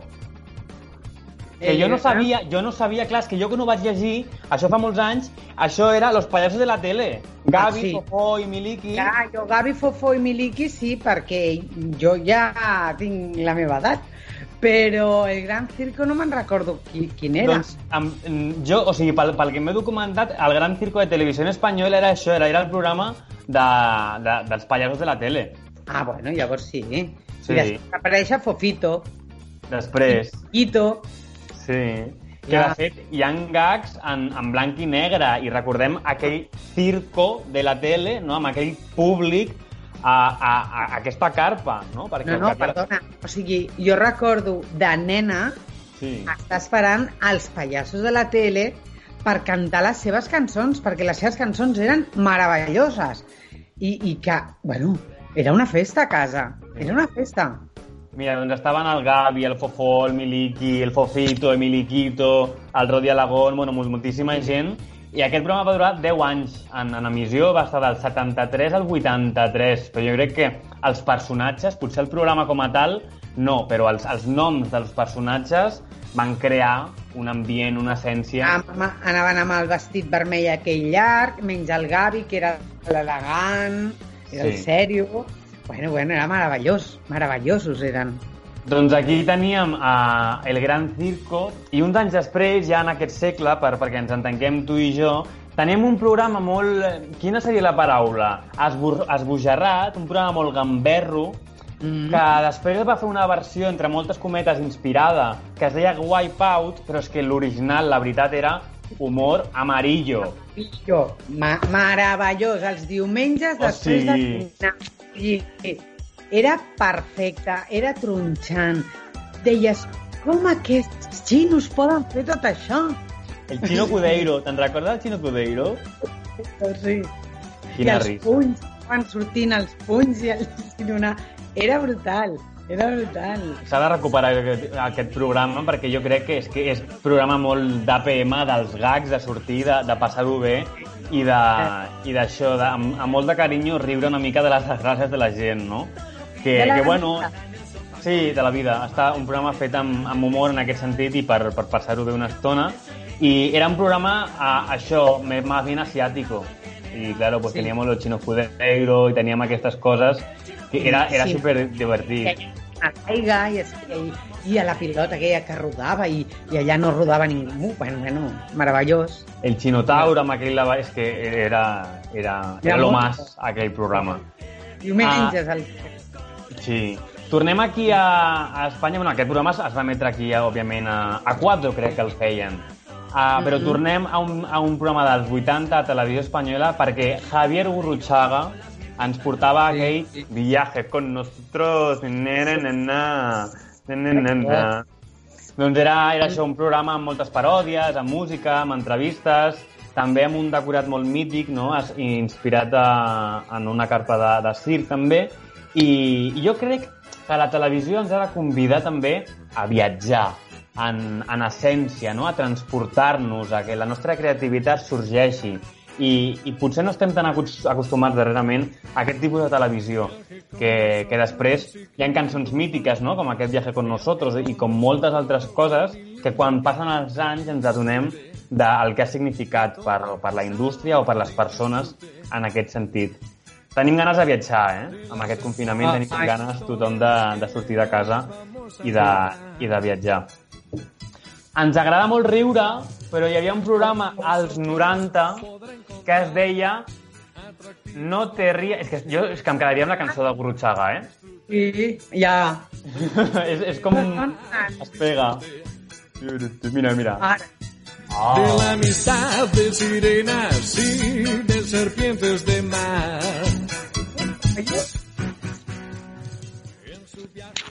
Qui, ai, la seva veu, eh? Aquesta veu, aquesta cosa que té, que té ell. Doncs com us deia, que ens agrada molt riure, hi havia un programa que es deia No te rías, que és peor. Sí.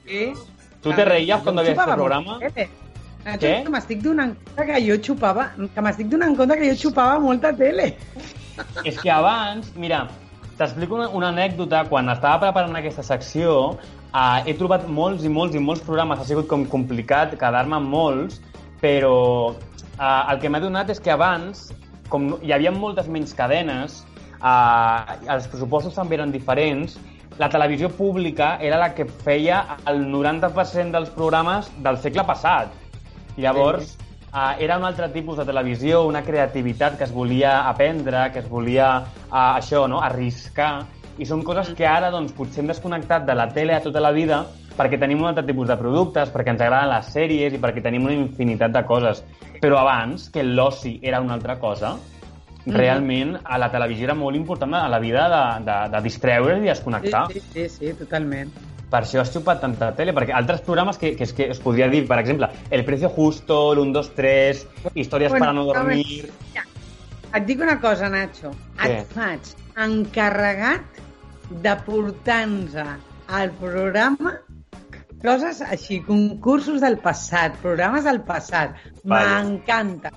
Del passat i de l'actual, si vols. O sigui, pim-pam, pim-pam. Ja veurem, Però m'agrada una, molt. una pluja d'idees, perquè també Estudio 1 es feia teatre, Cifres i Letres, Cruz i Raya, una Ah. infinitud de programes, però, per exemple, què em dius del diari de Patricia? Ai, me'n recordo perfectament. Clar, que el diari de Patricia va ser tan exitós que la Patricia va marxar, després va dir el diario, el presentava Juan y Medio i es deia el diario de Medio, el presentava la Sandra Daviu, es deia el diario a secas, després el divendres era el diario de viernes con Yolanda, vamos, Sí, hi havia sí. versions de tot tipus. Era, molt, era original.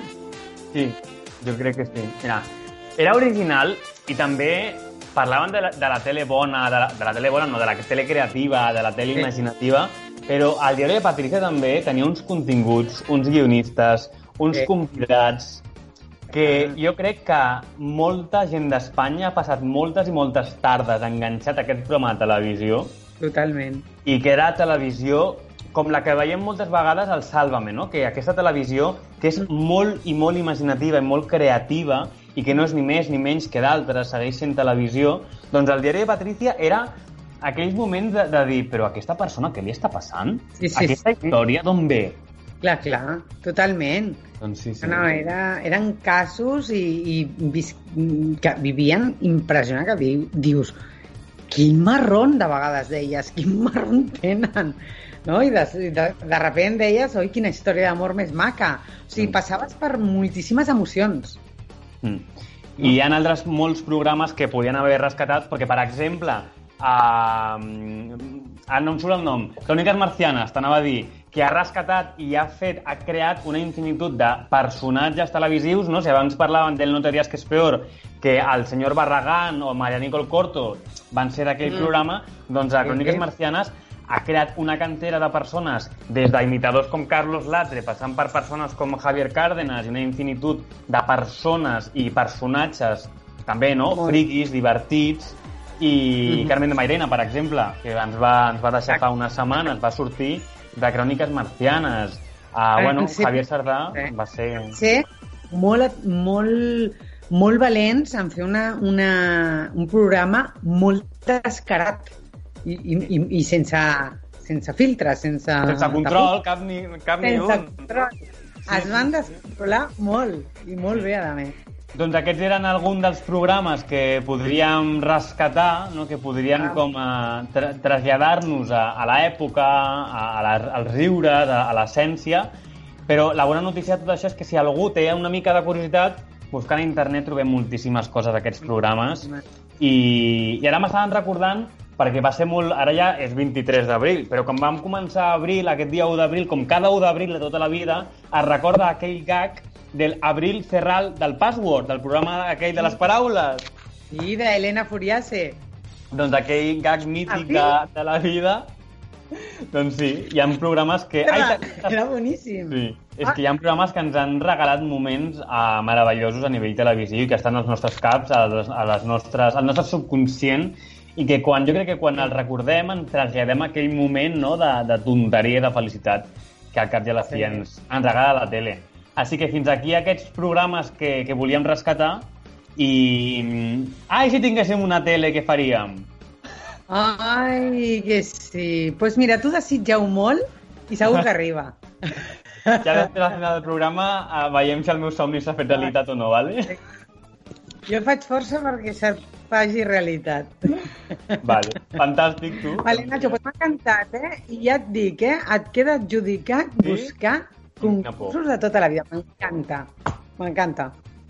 Doncs mira, Vale, doncs, pues, escolta'm, amb aquest mm, màquina del, del temps que has fet, una màquina del temps meravellosa, ara ens anem al món de l'interiorisme. Et fantàstic. ve de gust o no? Molt de gust. Anem? Doncs pues, pues anem-hi.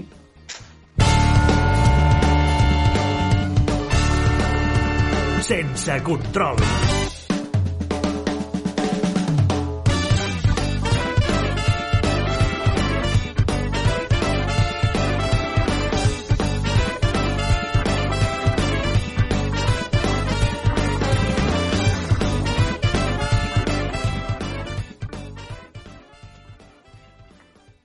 Nacho, ja ens anem al turisme, tot, no? Com són les comunicacions que estem tu i jo sols i al cap de 5 segons ens afegeix una altra persona. Encantats, Cert. eh? Cert. I ja tenim aquí a la nostra Carme Vallabriga, que sempre ens porta interiorisme. Carme, bona nit. Hola, bona nit, què tal? Bon Sant Jordi, com heu passat? Tenim la rosa? Virtual. Sí. Això sí, sí. Bueno, jo ara acabo de fer un drac, us l'ensenyo perquè ha sigut divertit, perquè hem fet un taller en directe i ens han Mm. fet dibuixar el drac de Sant Jordi. T'ho dic perquè ha sigut el meu autoregal. Ah, molt bé. Rosa no m'ha arribat, però bueno, hem fet això, que ha sigut molt divertit, amb Tombow, sí, molt xulo. Arribarà el dia de la rosa, Bé. segur. Molt bé. eh? Que arribarà el dia de la rosa. Quan això acabi, celebrarem tot el que no hem celebrat i continuarem Sí. celebrant la vida i ja per Bueno, totes. ara diuen que és el 20, 23 de juliol, no? Sí, o sigui, el sí, sí. Sant Jordi ho celebrarem, bueno... Se'ns bueno, acumularà serà tot. res. Serà a ple estiu, no? Ara ja normalment Ja. ja, era un dia de tarda de, de d'estar pel carrer, doncs imagina't el juliol, tindrem tots calor, però bueno, serà, s'ha de fer, sí, sí. Carme, què ens portes aquest, aquesta setmana d'interiorisme?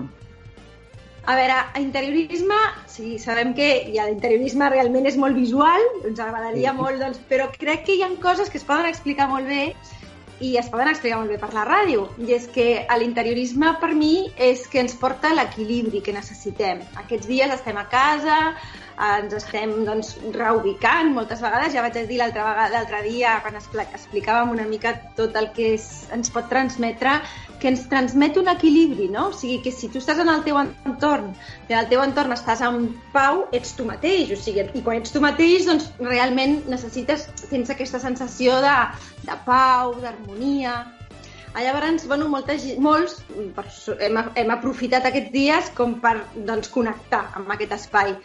I connectar què vol dir? Doncs ens hem fet els nostres llocs de treball, ens hem fet els nostres llocs d'esport, els nostres llocs d'estudi, hem cuinat, hem cuinat potser més del que havíem de cuinar i sobretot doncs, bueno, hem trobat aquests espais que no teníem potser massa en ordre. Avui parlarem de l'equilibri no? que ens proporciona aquest ordre. Ah, llavors, un entorn equilibrat, doncs no només parlem de l'entorn, sinó també parlem de l'equilibri dels espais, de l'equilibri dels colors, de l'equilibri dels materials i de l'equilibri de la llum. Vale? Totes aquestes, doncs, aquests elements fan que també nosaltres estiguem i ens sentim doncs, bé equilibrats. Mhm. Com és l'equilibri de... de bueno, no, per, no té per què ser l'equilibri, quan parlem d'equilibri d'un espai, o sigui, estem parlant de- d'un espai amb un conjunt, no? O sigui, d'una decoració que ens pot aportar doncs, realment un, una manera de veure les coses. Imaginem que estem en una casa de muntanya i diem, ostres, aquí ha d'haver-hi un tipus de decoració especial perquè aquesta... Aquí, no, o sigui, no parlem de la decoració, sinó que parlem d'aquesta aquest, sensació que tenim quan entrem en un espai. Obrim una porta i sempre hi ha un foco. Ens interessa veure doncs, allò que ens, la nostra camp visual té a l'abast doncs, realment que ens proporcioni aquesta sensació, no? que ens faci una sensació de satisfacció. Si més no, doncs, eh, et dic, o sigui, ja no és ben bé els mobles que ens envolten, si més, doncs aquest, aquest punt pot ser un punt de llum, pot ser un pont de sortida, una sortida, una terrassa, una finestra... Llavors és molt important orientar-nos cap a aquest espai que ens dona, que ens proporciona aquest foco, aquest foco visual, no? Entrem en un espai i diem, ostres, ja d'entrada, doncs, si això està despejat, molt millor saps? O sigui, a vegades ens topem amb barreres que nosaltres mateixos ens hem construït a la nostra casa. Evidentment, no tirarem parets, perquè en aquest... Però a vegades és, sí que és interessant de dir, ostres, això, si no hi fos, doncs jo tindria una mica més de llibertat, no? Sabem que bueno, tots disposem de l'espai que disposem, però moltes vegades doncs, bueno, hem de saber veure aquest foc. Vale? Mm.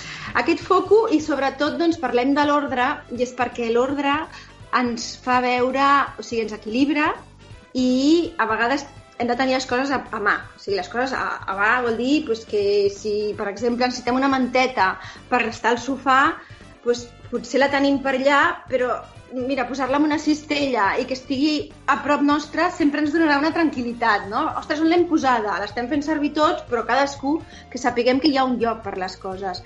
Jo aquestes, mm. bueno, aquests dies m'he dedicat, i suposo que, no sé, cadascú fa les seves, els seus mètodes, de dir, ostres, tinc molts bolígrafos per tota la casa i jo sé que tinc un espai, perquè, clar, tinc un espai d'escritori, els meus fills en tenen un altre, eh, llavors, clar, representa que a tot arreu han d'haver-hi bolígrafos. Però sempre trobes aquell bolígrafo que no saps on col·locar. Llavors jo he creat unes, un, de, un calaix, d'aquests calaixos de... on han anat a parar tots sí. els bolígrafos que he trobat per la casa. I, aquesta, ah, i això m'ha... No? O sigui, no sé si... Però és el fet de dir, ostres, on, vaig, on poso aquest bolígraf que m'acabo de trobar? Ara ja sí que el puc posar en aquest calaix.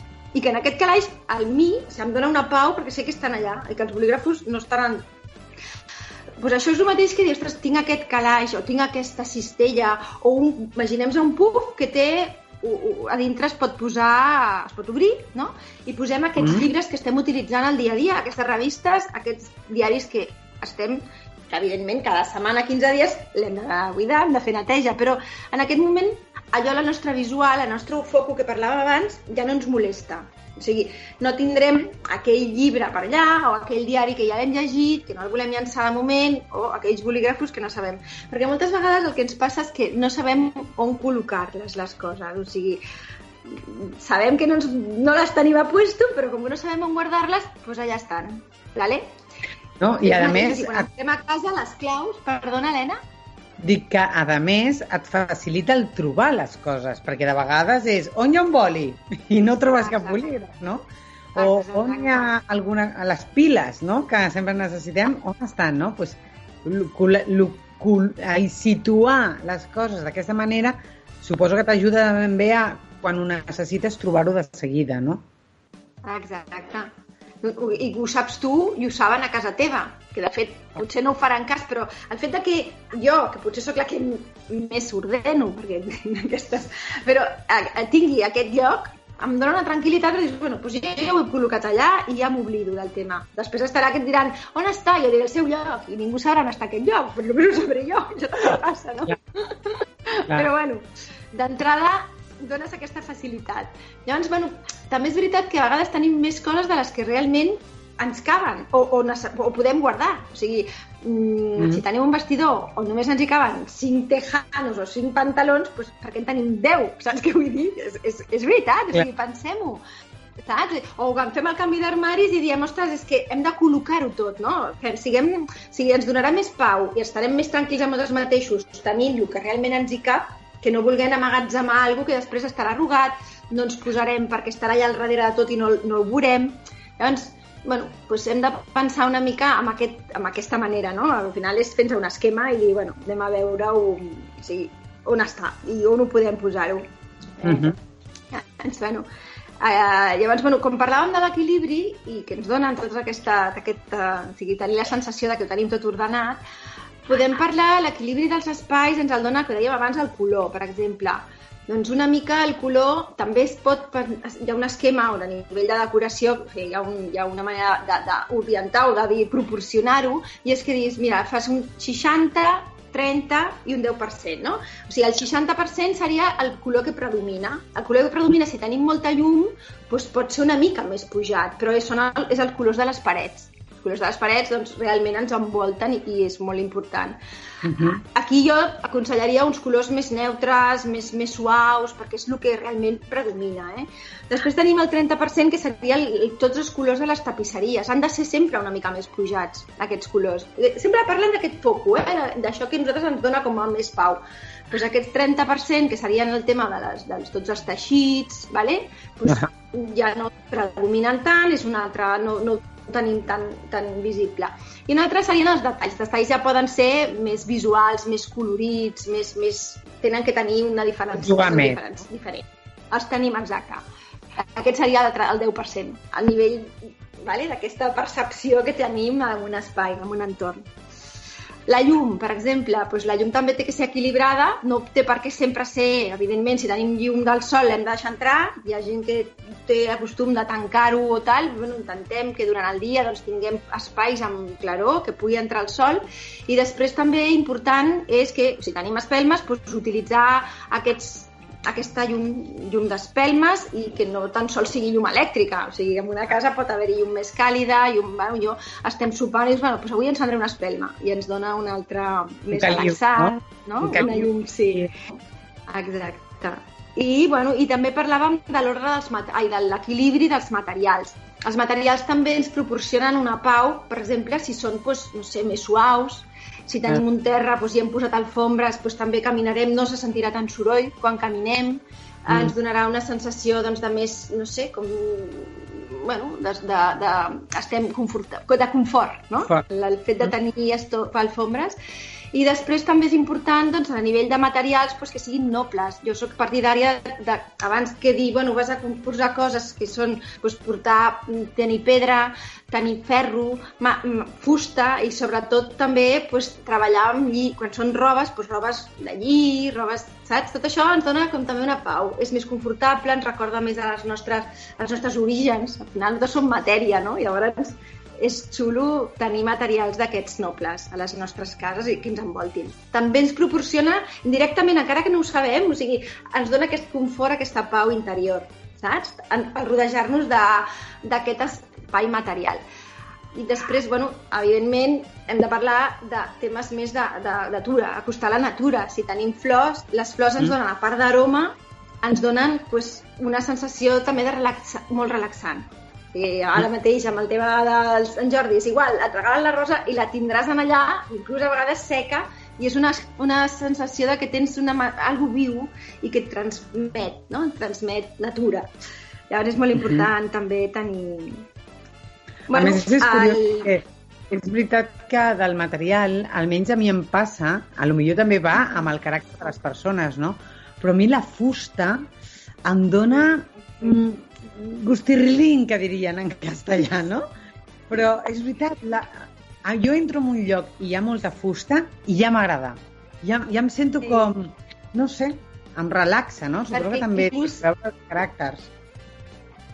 No, inclús perquè la fusta, ens, a part de que ens pot transportar a, una, a un lloc natural, que també això és molt important, les, els humans portem la part natura, la natura dintre del nostre ADN, no? Som, som animals mm. doncs ens, ens transmet també això que dèiem, no? O sigui, una, un, el so és més, és més tènue, la fusta absorbeix moltíssim, eh, mm. la calidesa també dels materials. Per tant, doncs, això fa que estiguem més relaxats i siguem nosaltres mateixos. Vale? Mm. Llavors, per això dèiem, a lo millor, al portar aquesta sensació en un espai de treball, a l'espai de treball necessitem més energia. Llavors, potser sí que allà necessitem vidre, necessitem veure uns colors més forts, perquè han de ser espais més energètics. En canvi, quan estem en un espai doncs, que realment ens ha de donar una pau, perquè a casa quan arribem és que volem estar tranquils, doncs necessitem mm -hmm. aquest, uh, aquest equilibri. Jo per això avui volia dedicar l'espai a l'equilibri. Molt. Una mica l'equilibri que ve determinat moltíssimes vegades per l'ordre. Per l'ordre dels espais, bueno, per l'ordre de l'entorn, eh? i a part, evidentment, dels temes de les, del, del, a nivell material. No? De, per exemple, podem ordenar i tindre catego- categories molt diferents d'ordre amb una cuina que amb un bany que amb una habitació. O sigui, jo, per exemple, a la cuina, no sé com vosaltres ordeneu la cuina, però jo tinc molt clar que tinc un lloc on poso les coses dolces, un altre lloc on poso les salses, les pastes i les coses salades, no? I a mi que no m'ho no desordenin, perquè jo em poso dels nervis, o sigui, jo necessito... És que és més, a mi em posen una marmelada al lloc de les, de les salses salades, jo ho, ho veig com una... Bueno, em torno boja, o sigui, saps? He de treure-ho i posar-ho. Llavors, inclús a vegades la nevera també l'organitzes, no? De dir, sí que tens uns, uns calaixos que et diu aquí va la verdura i aquí va la carn i aquí va tal, però és molt important aquest ordre. Amb un bany, per exemple, doncs, doncs, bueno, clar, evidentment posarem un lloc de tovalloles, un lloc... Per què? Perquè tindrem més a prop de, bueno, el que fem servir cada dia, del que potser podem amagatzemar doncs això, mm, petites, petits detalls doncs, que, que, eh, que, que jo crec que ens fan tenir aquest equilibri. És, és aquí. Sí, és que porto estona com volent uh, com explicar un, una cosa que tinc al cap, però no sé si és que estic molt boig o sóc, mm, no sé. Uh, No, és una mica per fer una metàfora, no? Quan ens estàs explicant com la, la part més teòrica per entendre les coses pràctiques, no? I cadascú és com és, hi ha una infinitud de, de punts de vista a contemplar, això és superobvi. Però quan tu comences a fer la teva casa, o a construir, o no a construir, no? sinó a ficar les teves coses, a la, les teves catifes, com dius tu, als sofàs, les taules, quan no hi ha equilibri i, i, i anem construint des d'aquesta aquest, falta d'equilibri i mai ens parem a pensar en els colors, en tot això, això, clar, a nivell psicològic potser es pot explicar de moltes maneres, no? Però és necessari aquest equilibri. Hi ha gent que potser una salsa no passa res que la posi on estan les coses salades, no? Això sí que és obvi.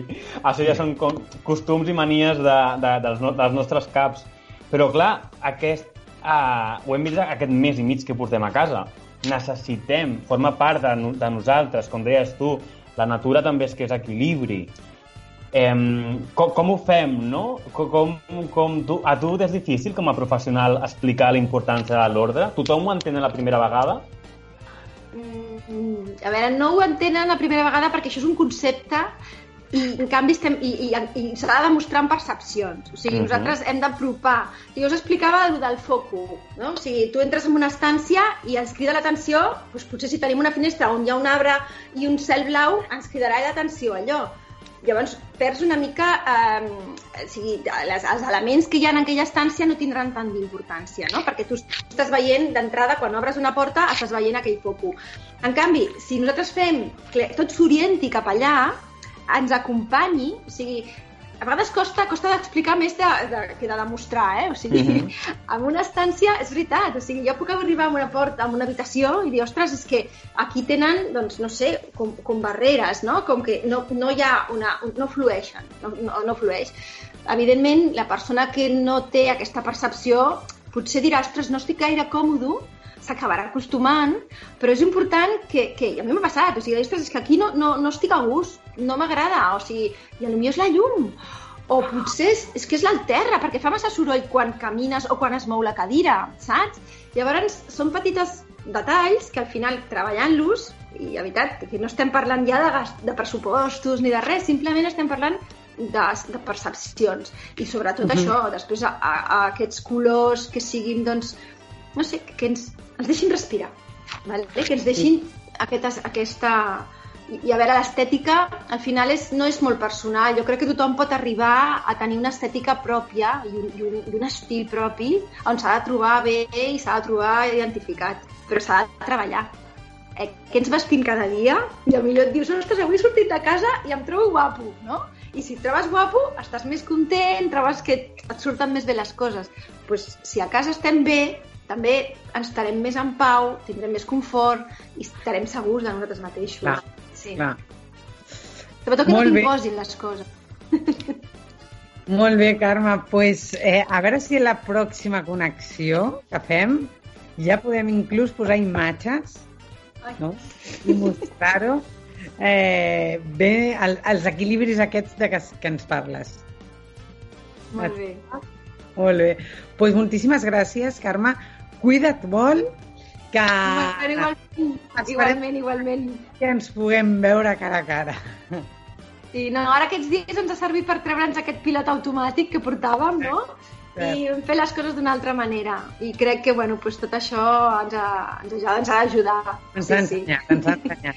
A tirar Molt bé. Carme, pues, Res, que cuideu molt també i molt... Res, gràcies. molt aviat. Bona nit. Adeu, parlem. Adéu. Adéu, gràcies.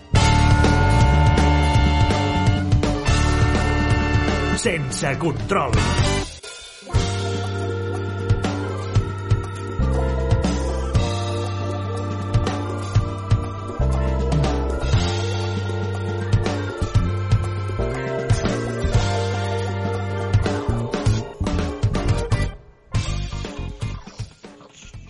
I ara marxem al món de les sèries.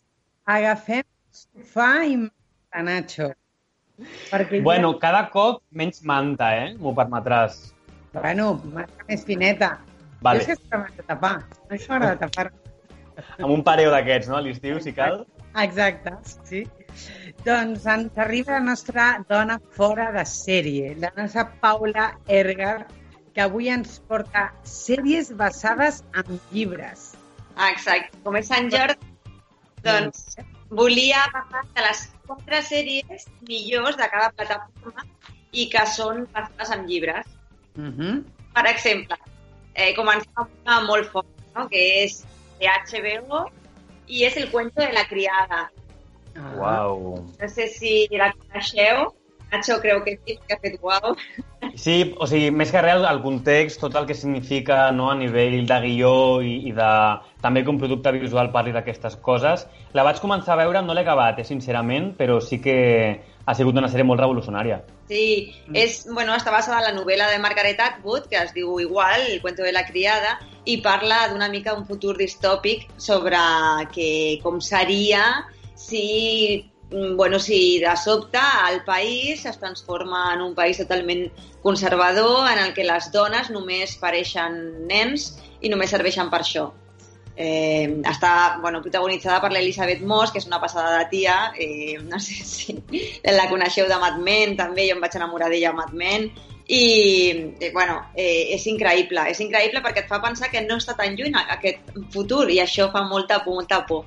Per això també trobo que molta gent ho deixa, eh? perquè fa tanta por veure una realitat tan propera i tan horrorosa que, Mm. bueno, eh, Ha això. sigut una sèrie això intensa, no? I al cap i a la fi, sempre que s'ha estrenat... Quantes temporades n'hi ha a dia d'avui? Té tres i ara va per la quarta. Vale. Això que sempre que s'estrena una temporada és com que hi ha un, una... L'opinió pública no? es transforma i tornen a dir Sí, sí. coses i coses i coses Sí, sí, i, i és molt transgressor. Bueno, no és transgressora, però o sigui, com a concepte de transgressió és com a concepte d'utopia, el que tu dius, no? Que és com, ai, lo que podria passar. Quina por. que posa sobre la taula uns temes molt, molt delicats i, i ells s'atreveixen a, a tocar-los. I, bueno, jo tinc la teoria, a més, de que aquesta sèrie, El cuento de la criada, als homes no els hi agrada perquè no, la, su- no suporten tanta dolor. És d'aquesta teoria. I nosaltres, eh, com estem molt ac més acostumbrades a tenir un dolor cada mes, cada... etc. estem, sí, que, mm, sí que la suportem i sí que no volem deixar tirada aquesta dona. Necessitem saber com acaba. Llavors no la, no la deixem mai. Perquè el target de la sèrie, al cap de la fi, no és ni femení ni masculí, no? O sigui, va dirigida a, a la població en general perquè ens doni un zasca en aquest sentit. No, però aquest és un gran problema que tenim, que quan una dona és protagonista d'una sèrie és com sèrie per a mujeres. Clar. Però, saps? Sempre ens ha passat i en canvi nosaltres quan sempre de tota la vida hem vist pel·lícules o sèries protagonitzades per homes i no pensem que és per a homes només, sinó que és per tothom.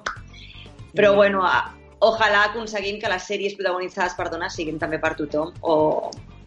En fi, sí. Que canvi la idea aquesta, no?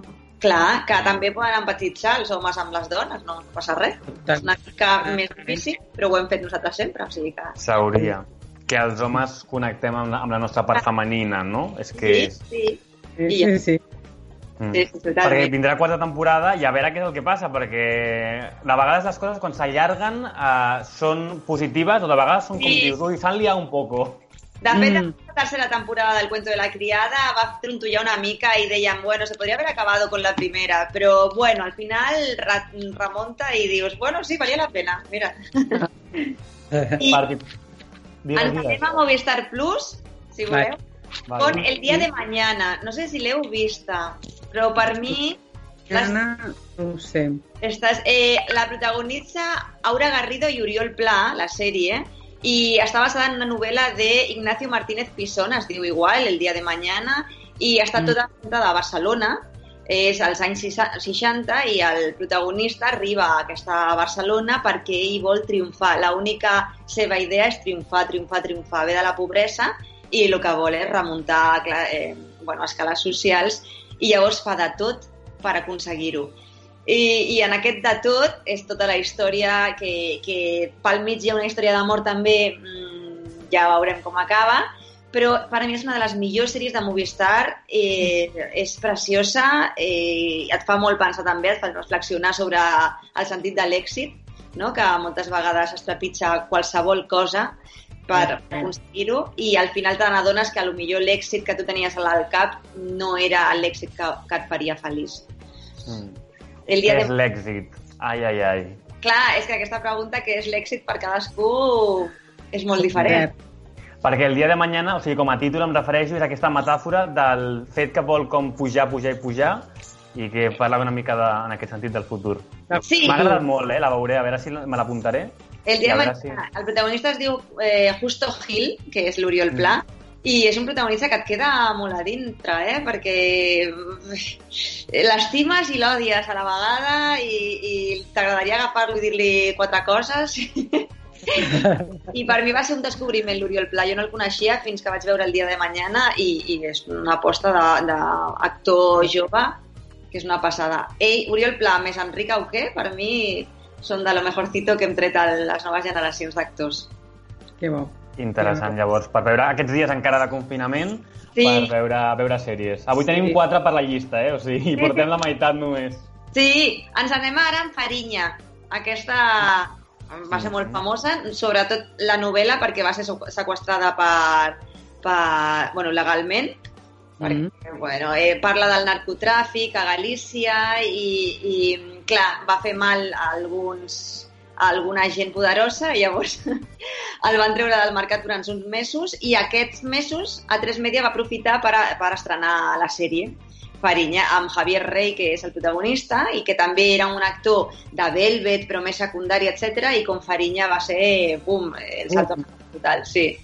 Eh, I està molt ben feta. Nacho Carretero, que és l'escriptor del- de Farinya, eh, va fer un llibre periodístic totalment eh, increïble i la sèrie li dona una mica més de ficció, però també com també ell per, pel guió i, i es nota, està molt ben feta Farinya. De fet, molta gent quan la va veure es va sobtar de que estigui a Antena 3, ara està a Netflix, que la podem veure a Netflix, Ah, Sí. I, i, i és una de les millors mm, sèries dels últims anys eh, d'aquí de- d'Espanya. Aquesta sèrie va, es va gravar i es va guardar i va ser quan això del llibre que es va estrenar? Ah, Aquestes coses que fan les cadenes, no? Que dius, i per què ho guardes tant de temps i després... Doncs Sí. mira, va ser una ocasió meravellosa de màrqueting sense voler. Sí. Va ser una sèrie que, sí, que li van proposar... O sigui, que el, la Bambú, la productora, que va fer Velvet i va tenir tant d'èxit, li va dir com li va demanar a, a Tres Media fer Farinya, que era com un desig que tenien ells, i, i com a regal a Tres Media li va dir, vale, venga, haz Farinya, però és una sèrie així com que no va haver nadie, van haver cuatro, ¿sabes? I és veritat perquè era una sèrie molt fosca, és, que parla de, de politiqueo entre hijos, Ah. de cantarillas del poder, coses aquestes, que no, no és per tota la família. Però, Ah. clar, i la van guardar un calaix, no?, com diu el Nacho, i van dir, bueno, algun dia l'estrenamos. Però quan es va sequestrar el llibre i quan es va fer tant de soroll amb el llibre, Farinya, Farinya, Farinya, a tres mesos va dir, pues ahora es el momento. Zas, Clar, ara ho traiem. clar. Ah. I va tenir molt més d'èxit del que pensaven, perquè estava molt ben feta també. I a, i a Netflix també, bueno, està Vam tir. fer la jugada. Ja, exacte, sí, sí, sí. El que els hi va Ah. sortir bé. La, Sí. la van col·locar ben col·locada. Exacte. Mira com hila, eh? Perdó, perdó. I bueno, ja per acabar ens anem a Amazon, també amb una de les sèries eh, meves fa- preferides, basades en llibres, que és Mozart in the Jungle. Ah, Eh, sí, sí, doncs està molt bé. A veure, és una sèrie que no ha fet molt de soroll, que està protagonitzada pel Gael García Bernal, i que també és un dels meus preferits d'actors. Eh, I, bueno, va sobre tot el que passa darrere de l'Orquestra de, Ne de Nova York. Eh, Ah. està, sí, està basada en les, en les experiències de l'oboista, que et diré el nom, Blair Findall. O sigui, ella mateixa va entrar a l'Orquestra Simfònica de Nova York i explica pues, com són de rarets els directors d'orquestra, com, bueno, les relacions amoroses que hi ha dintre de l'orquestra, tot tipus de, com dèiem abans, no? el que es fa per tenir èxit, si trepitges algú no passa res, etc etc. I, bueno, Mozart in the Jungle, això, no? Ha fet molt de soroll, però per la gent que li agrada la música o que vol saber una miqueta més de tot aquest món de l'orquestra sinfònica, doncs eh, està molt recomanable. Que Jo bé. vaig començar a veure aquesta sèrie, me la van posar, recordo, fa... Quants anys té aquesta sèrie, més o menys? No sé, 4, 5... La primera temporada, almenys, eh? Sí, sí, sí, sí, o més, o sí, sí. Recordo que me la van posar a classe un dia i són aquestes sèries que dius, uau, m'ha enganxat i no l'he tornat a veure mai. Sí. I ara que l'has mencionat he dit, ese Nachete de hace años se está arrepintiendo ahora de no haberlo visto. Mozart in the Jungle, sí. Acumularan, Nacho. Sí, sí, sí, sí. No, però Ah. perquè és... Sí, i, i, i tenia pinta molt interessant en aquest sentit, no? Ja a nivell d'argument i a nivell també estètic, era una, una ambientació molt, molt guai. Quantes temporades té aquesta sèrie? Eh, doncs ahir em pilles, no sé ara quantes porta, potser tres o... No, no ho sé, això ho hauria de buscar. Però sí, està bé. I eh, és, és original perquè en les sèries normalment no toquen aquest tema i és original. I sabent que està basada en les memòries d'algú que sí que ha estat allà al darrere, doncs et fies més, no?, del que expliquen. Clar. Clar, clar. Jo per l'Helena també, també portava aquest llibre que es diu Dueñas del Show. A veure si surt. Dueñas del Show. El show. Sí. Me l'apunto. Són les Sí. dones que hi ha darrere de tota la indústria audiovisual i de sèries dels Estats Units. Ah, que xula. Es Que parla guai. molt poc d'elles normalment i, i, bueno, està molt interessant. Perquè, home, sempre s'escriu d'ells. Hoy estoy un poco feminista, eh, Nacho? Te estoy dando un poco... No, no, o sigui, fantàstic. O sigui, aquí tots i totes feministes i és el que s'ha de fer. És a dir, m'encanta. El mundo debería ser gobernado por mujeres, iría mejor. Pues, Totalment. Ja has vist les notícies? Escolta, i les dueñas del show també estan en sèrie? No, no, ojalá, ojalá, però no crec que trigui, eh? però és més, pues, los, eso, entre hijos de la gent que treballa aquí darrere, perquè ja van fer un d'homes i jo m'imagino que han dit, oye, pues vamos a hacer también entre mujeres. I, això. I parlant de mujeres també, mira, aquest és el llibre en què es basa Sexo en Nova York. També la Ah, sèrie. El tinc, el tinc, el tinc, aquest. Sí. Aquest el Ah, tinc. veus? Quina sèrie més bona, per favor. L'altre dia estava pensant, em sembla que tornaré a veure-la. Sí, però si Sí. estàs com Friends, que la tornes a veure, tornes a veure i mai passa de moda. Mai, mai, a mi m'encanta. És una cosa... És, a més, jo no sé si tu estàs amb mi, Paula, però totes volem ser una mica Samantha, una mica... Eh, la, eh, Una mica, sí, una, sí, sí. sí, Mira, sí, Sí, sí, sí, sí. Perquè només una, potser ser una, només Charlotte o només Samantha és un poco extremo. Sí, Però exacte. agafes tots els ingredients. Jo crec que són com cinc caràcters que en el fons totes les dones podem Sí. tenir i que, i que en un moment de la vida hem de ser una Samantha, en algun moment de la vida hem de ser una Charlotte, o sigui, eh, hem de, en segons quins moments hem de ser una cada una, no? Totalment. I Samantha en aquell moment, en els anys 2000, va trencar molts tabús, eh? Que, que Samantha... per favor. Jo me'n recordo amb les meves amigues, deia, jo no sé per què es critica la Samantha, però totes voldríem ser de vegades Samantha, eh? Perdona. sí, sí, sí. I és que no havia sortit a, la, a cap sèrie una persona com Samantha, una dona que, que parlés de sexe tan obertament i, i que s'escandalitzés tothom i, i que li donés igual, no? I que, no sé, agafés els homes per usar i tirar i no passava res. I, i no passava res, exacte. Sí, sí. sí, sí. Molt bona sèrie, molt bona sèrie. D'aquestes Pues ara- quatre que portaves i aquesta cinquena de Sex in, Sex in Nova York, quina és la que hem de veure aquest aquest cap de setmana? La que... Has... Clar, si tenim mil temporades tampoc és el cas d'un cap de setmana, no?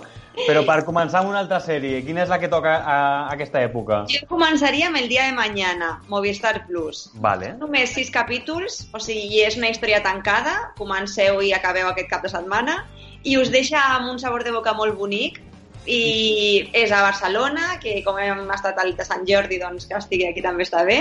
Ai, I no sé, a mi el dia de mañana la recordo sempre molt bé i ningú, ningú m'ha parlat mai malament d'ella, o sigui que quan es recomana normalment s'encerta.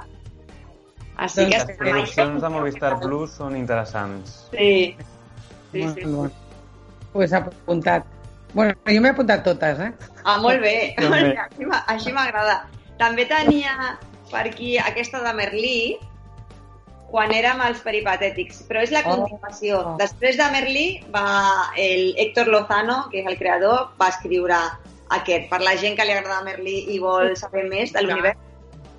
A mi m'encanta Merlí. Oh, Fa un parell de setmanes que parlàvem dels nostres gustos i que ens estàvem com coneixent no, a nivell de sèries. Sí. Per mi, jo de moment eh, segueixo mantenint que per mi la millor sèrie de, que he vist mai és Merlí. Ah, sí? Per molts sentits, a nivell de- d'aprendre, de, de passar-m'ho bé, de, de gaudir en aquests sentits i hi ha gèneres i ha gèneres, no? Però en aquest sentit el de Merlí em sembla meravellós. També el Ministeri del Tiempo que torna ara Ai, és una de les altres que tinc al, al top, és a dir, de producció pròpia, eh? Si anem a fora ja Però- un altre dia parlem. Ah, Però Merlí, Merlí, ojalà hi haguessin molts Merlins a les aules, eh? Ojalà. Ojalà, ojalà. Per això també enganxa, eh? Perquè, perquè és com una aspiració no? que tenim tots d'haver tingut algú com a Merlí de, a la nostra vida. Sí. I a mi m'agradava molt el que deia l'Héctor Lozano quan va presentar la sèrie, que deia en totes les sèries de, que se hacen en los institutos eh, Mhm. comença no, a donar classe i ja s'acaba la seqüència, no? O sigui, és entre els alumnes que parla i quan comença la classe s'acaba. Jo volia mostrar el que passava quan s'acabava aquella seqüència i fer-la i, i posar el foc allà, en l'explicació del profe, no? Guai. molt, Està molt xulo. molt. I jo no sé si vosaltres veu veure la sèrie que es deia Cites. Sí, sí. Oi, m'encanta. No l'has vist, Nacho? No. Oi, Recomanable, eh? és un, molt recomanable, molt bona, i jo em vaig mm, veure tota, tota, tota sencera. Em sembla que hi ha dues temporades o... Sí, sí, sí, pot ser. I va donar el salt i tot a, a 3 Media, crec que va estar Sí. a la sexta, algo sí, així. sí. Doncs bona. Cites està basada en una anglesa que es diu Dates, dates. Ai, també. Ui, ui, ui. increïble. Sí. I Dates es veu en algun lloc? Eh, crec que no està a cap la plataforma, s'ha de buscar una mica per internet. Vale. Però, però és, mm, si Cites és bona, eh, Dates és... mm, Si Cites és un 9 i mig, Dates és el 10. Ai, pues la veuré. Uau. La buscaré allà on sí, perquè em va agradar molt. molt. Doncs perfecte. Molt bé, doncs arribem ja al final de les sèries, no? Avui. Avui. Sí, sí, sí, sí, sí, sí, avui. Després, al final del programa, anunciarem, però tornarem amb més sèries, molt aviat. Això, això. Jo encantada de Mujer fora de sèrie, tant. m'encanta quan ho dius. Sí, és que ets la nostra dona fora de sèrie. Que bé, Està coneixada ja. que bé, que bé. Molt bé, Paula. Doncs pues ens veiem molt aviat. Cuida't Això. molt. Igualment, un I a plaer. veure moltes Això. Adeu, gràcies. Adéu a vosaltres. Adéu.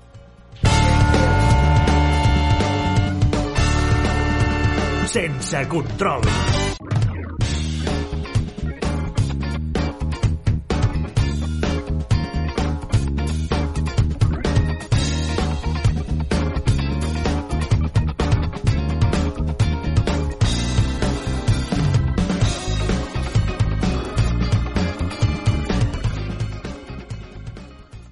I ara sí, rematar el programa, ja tenim la Berta Pola, que sempre ens porta o activitats o esport o coses originals sempre.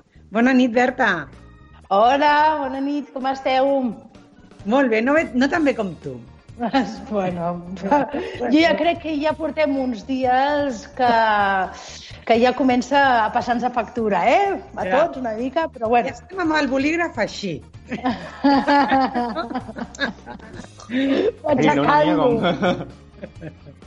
matxacant-lo. I fent esport de dits. Escolta, molt bé, eh? Perquè així ens exciteu. Ah, això sí.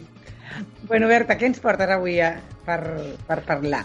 Mm, doncs mira, que per Sant Jordi, escolta, doncs porto una iniciativa molt maca, ja sé que ja estem ja a les darreres hores, però, però que encara eh, es considera també les, com que hem passat a la versió online de tot, de la nostra vida, doncs tot també s'allarga una miqueta, no?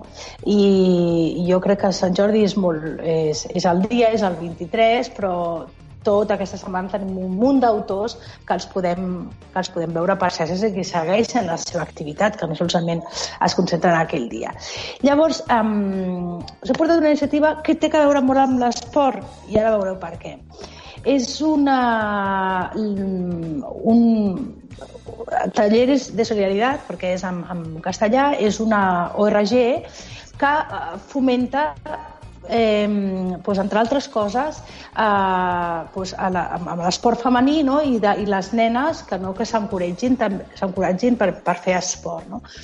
Han tret un llibre molt maco, el van presentar a l'octubre, eh?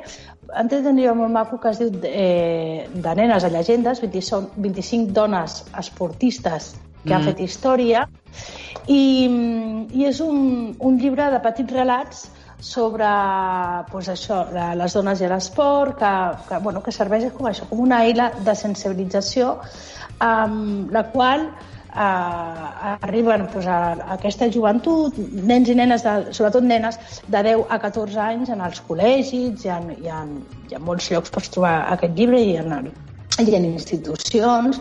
Eh, què, so, què, què són les històries d'aquestes esportistes, no? en el qual emmirallar-se. I mm, jo trobo que, que, que és una iniciativa, molt, una iniciativa molt maca. Llavors, en el dia del llibre, o dia del llibre, o la setmana del, del, del llibre, eh, pues la campiona de hockey d'herba, la Maria López, eh, de boxa, la Joana Pastrana, piragüisme, la Maria Enxornat, o sigui, un munt d'esportistes eh, s'han unit en aquesta iniciativa i el que, i el que estan fent que, va començar, que ha començat tot just uh, avui, les podeu seguir per xarxes a, a, mitjançant el hashtag de niñas a leyendas uh -huh. eh, i el que estan fent és, és llegir des de casa uns, un, unes breus, eh, la, la breu història, la seva breu introducció eh, un fragment eh? I, i anima les, a les famílies a participar en aquesta marató de llibre eh? és com una marató és molt maco, és molt maco i llavors comparteixen entre eh, nens i, nens i nenes i, i, i aquestes esportistes els seus vídeos a les xarxes socials a través d'aquest hashtag. La veritat és que és una, una activitat molt, molt maca perquè penso que, que eh, una de les coses que té a l'esport és, eh, és tenir també algun referent eh, perquè hi ha molta gent que té la seva pròpia eh, tampoc motivació, li costa també motivar-se, no? Llavors, mm. tenir el propi, un propi referent eh, per al qual emmirar-te i fer i, i seguir les seves passes també és molt important. No? I trobo que, que és molt xulo aquesta iniciativa de lectura. Um, el llibre es pot descarregar, és totalment gratuït, eh? les, les, uh, mitjançant la seva pàgina web, talleresdesolidaritat.org, i heu d'anar a cercar el llibre de, de Niñas a, a Leyendas. Uh -huh. I, bueno, um, què més puc dir? Pues, uh, pues, uh, la veritat és que mm, són esports minoritaris, són molts esports minoritaris els casos, perquè són es que, pues això, boxa, piragüisme, però, mm. però la veritat que, que ja ha arribat a més de 2.200 i, i entrenadors esportius i que la utilitzen, inclús els entrenadors l'estan utilitzant com aquesta eina de, de sensibilització a, yeah. amb els joves no? I, i ensenyar que hi ha esports referents i sobretot femenins. No sé si us recordeu, fa uns dies que vam parlar també d'una altra iniciativa d'esportistes de, d'elit femenines que, que els diaris no els està donant tan sols eh, ni, ni, ni un tros de diari per, per, per parlar dels seus, de les seves eh, eh, pues, eh, sí. fites èpiques no, que fan d'esports. De, I trobo que... Mèrit, tenen el mateix mèrit que homes fent esport. El mateix, però no se'n parla. No. Llavors, si, si no en parlem, tampoc podem tindre aquest tipus de referents i si no els hi donem eh, doncs, eh, doncs això, doncs una equitat també i visibilitat doncs eh, crec que, que doncs, la veritat és que és, és molt no encoratges tant a, a la joventut i sobretot a les, a les nenes Mm -hmm. És veritat. Ens ajuda realment aquest tipus d'iniciatives, de llibres o de, o de notícies a conèixer també qui som realment perquè hi ha moltes coses que se silencien i que no acabem d'adonar-nos no? de la quantitat i la qualitat de coses que hi ha el nostre voltant i en aquest sentit l'esport és un clar uh, referent de coses que sense voler s'invisibilitzen perquè això, perquè el que és mediàtic és una altra cosa. Aquesta iniciativa em sembla preciosa. Aquest, aquesta iniciativa d'aquesta organització i aquest llibre en concret crec que és una cosa que ens fa més grans com a societat, també. Sí, sí, sí, totalment. I també que, que, que, que, es participi, que participin aquestes, aquestes eh, noies esportistes que, que, que, que s'involucrin també a nivell de les xarxes perquè de, penseu que la, les nenes de 10 a 14 anys estan eh, habiliten, eviten, habiten, perdó, habiten a les xarxes socials. Llavors, si tenen eh, primer aquesta, aquesta iniciativa de lectura, que estem en el dia, la setmana del llibre, estem a Sant Jordi, a més a més tenen un referent eh, com són els esportistes. Doncs jo crec que aquest maig és importantíssim. La veritat és que sí. Oh, sí. Doncs uh, referents i, i que no, no deixen de ser reflexes diuen que les persones són miralls no, de, de, de nosaltres i també és això, en qui fixar-nos, en qui, a, qui volem ser de grans, a quina man... què existeix al món que jo vull implicar-me per ser d'alguna manera com aquí, com, com aquella persona, com aquella altra, o que ens, igual... O que ens motivi, ja no ser iguals, perquè un ha de ser un, no? Però que almenys ens motivi a, a arribar, no? Que si a algú li agrada pues, la natació, pues, fixar-se en algú per, per arribar, pues, escolta, jo també puc arribar, no? A, mm, correcte, és, que, és, que, és, és que és això, o sigui, és, és com poder, a, a vegades això, tenim falta d'estímuls mm. per seguir lluitant per alguna que ens agrada i aquests estímuls poden esdevindre a, a persones eh, que, que més segueixin un, un, una finalitat o facin alguna cosa que a tu t'agrada. Llavors això t'encoratja i llavors fas que vulguis seguir aquesta, mm. aquesta empremta no? que, que ja uns ja han tirat cap endavant i tu vols seguir-la. No? Llavors és, és molt important, sobretot és molt important en, el, en, en aquesta gent més jove eh? que, que els hi falta, a vegades els hi falta referents i sols eh, eh, pues es fixen en coses a les xarxes pues que es fixin en coses que siguin realment eh, motivadores de veritat. Que aportin, que aportin que, cor. que aportin, sí, sí. I després us poso algo molt divertit, perquè jo em plantejava, dic, wow, clar, jo sí, també faig esports d'aigua, um, però clar, jo també faig esports de, de terra, no? i pensava, escolta'm, i com es fa, s'ho fa a l'equip espanyol de sincro? Mm. Clar, com s'ho fa per entrenar-se? Si, aquesta, ah. si pobres tenen que estar sempre en l'aigua no? I, i entrenant a l'aigua. Doncs, mira, el, vaig, a, vaig a donar una volta i vaig a investigar què estan fent les, les, les dones d'aigua, les dones de sincro, i, i la veritat és que molt divertit. Eh, tenen molta disciplina perquè han de seguir entrenant-se, mm. eh, s'entrenen cadascú a casa seva, eh, ho fan a través de l'aplicació que crec que mm, jo crec que mig món ha descobert Zoom a veure, sí. molt de temps que la utilitzava però jo crec que l'està descobrint moltíssima gent eh, i també i no deixen de tenir molta disciplina. Eh, mantenen els horaris, entrenen igual, es desperten a les 7 i mitja del matí, a les 9 es connecten amb el Zoom, fan una videoconferència amb tot, el, amb tot l'equip, fan l'escampament junts i més o menys així i de 10 a 12 llavors de 10, perdó, de 10 a 12 ja sense càmera fan aquell treball físic amb les seves respectives cases. De 12 a 1 tornen a connectar-se per repassar aquests exercicis perquè pensar que és, és, realment té que ser um, una part molt difícil perquè hi ha un, hi ha un, un mitjà com és l'aigua que et falta, no? Sí. I la veritat és que aquesta gent està, eh, primer que també mentalment super preparada i és molt concisa treballant, no? Eh, doncs una mica amb aquestes rutines. Després, per, per tirar cap avall, una cosa que a mi m'ha fascinat, eh, perquè clar, hem d'estar molta estona cap avall, eh? i ah. està el Fit Up, que és una bueno. mena de taporet que, sí, que utilitzen els yoguis, bueno, els, els, que, els que comencen els yoguis que no poden fer la invertida, no? per postures invertides, doncs el Fit Up que a mi em va deixar perquè jo no, no, no jo no l'havia vist. Berta, jo el tinc i és meravellós. Sí. O sigui, jo no faig el que fan les de sincro, eh? De pim, pim, pim, pim. No, jo no ho faig. Però faig les meves invertides, les Mm. faig amb, amb el fit. I és meravellós. O sigui, és la millor compra que he fet. Mm. Tinc des de fa un any i em faig les meves invertides, perquè jo les invertides aquelles a terra no puc ni, de, ni en broma. I a casa em permeten fer-les. És, és Ah. meravellós. Pues jo no, jo no. Jo sí que faig, practico les invertides, però faig a terra, o sigui, no. Però bueno, però que m'ha semblat molt, molt ideal, no?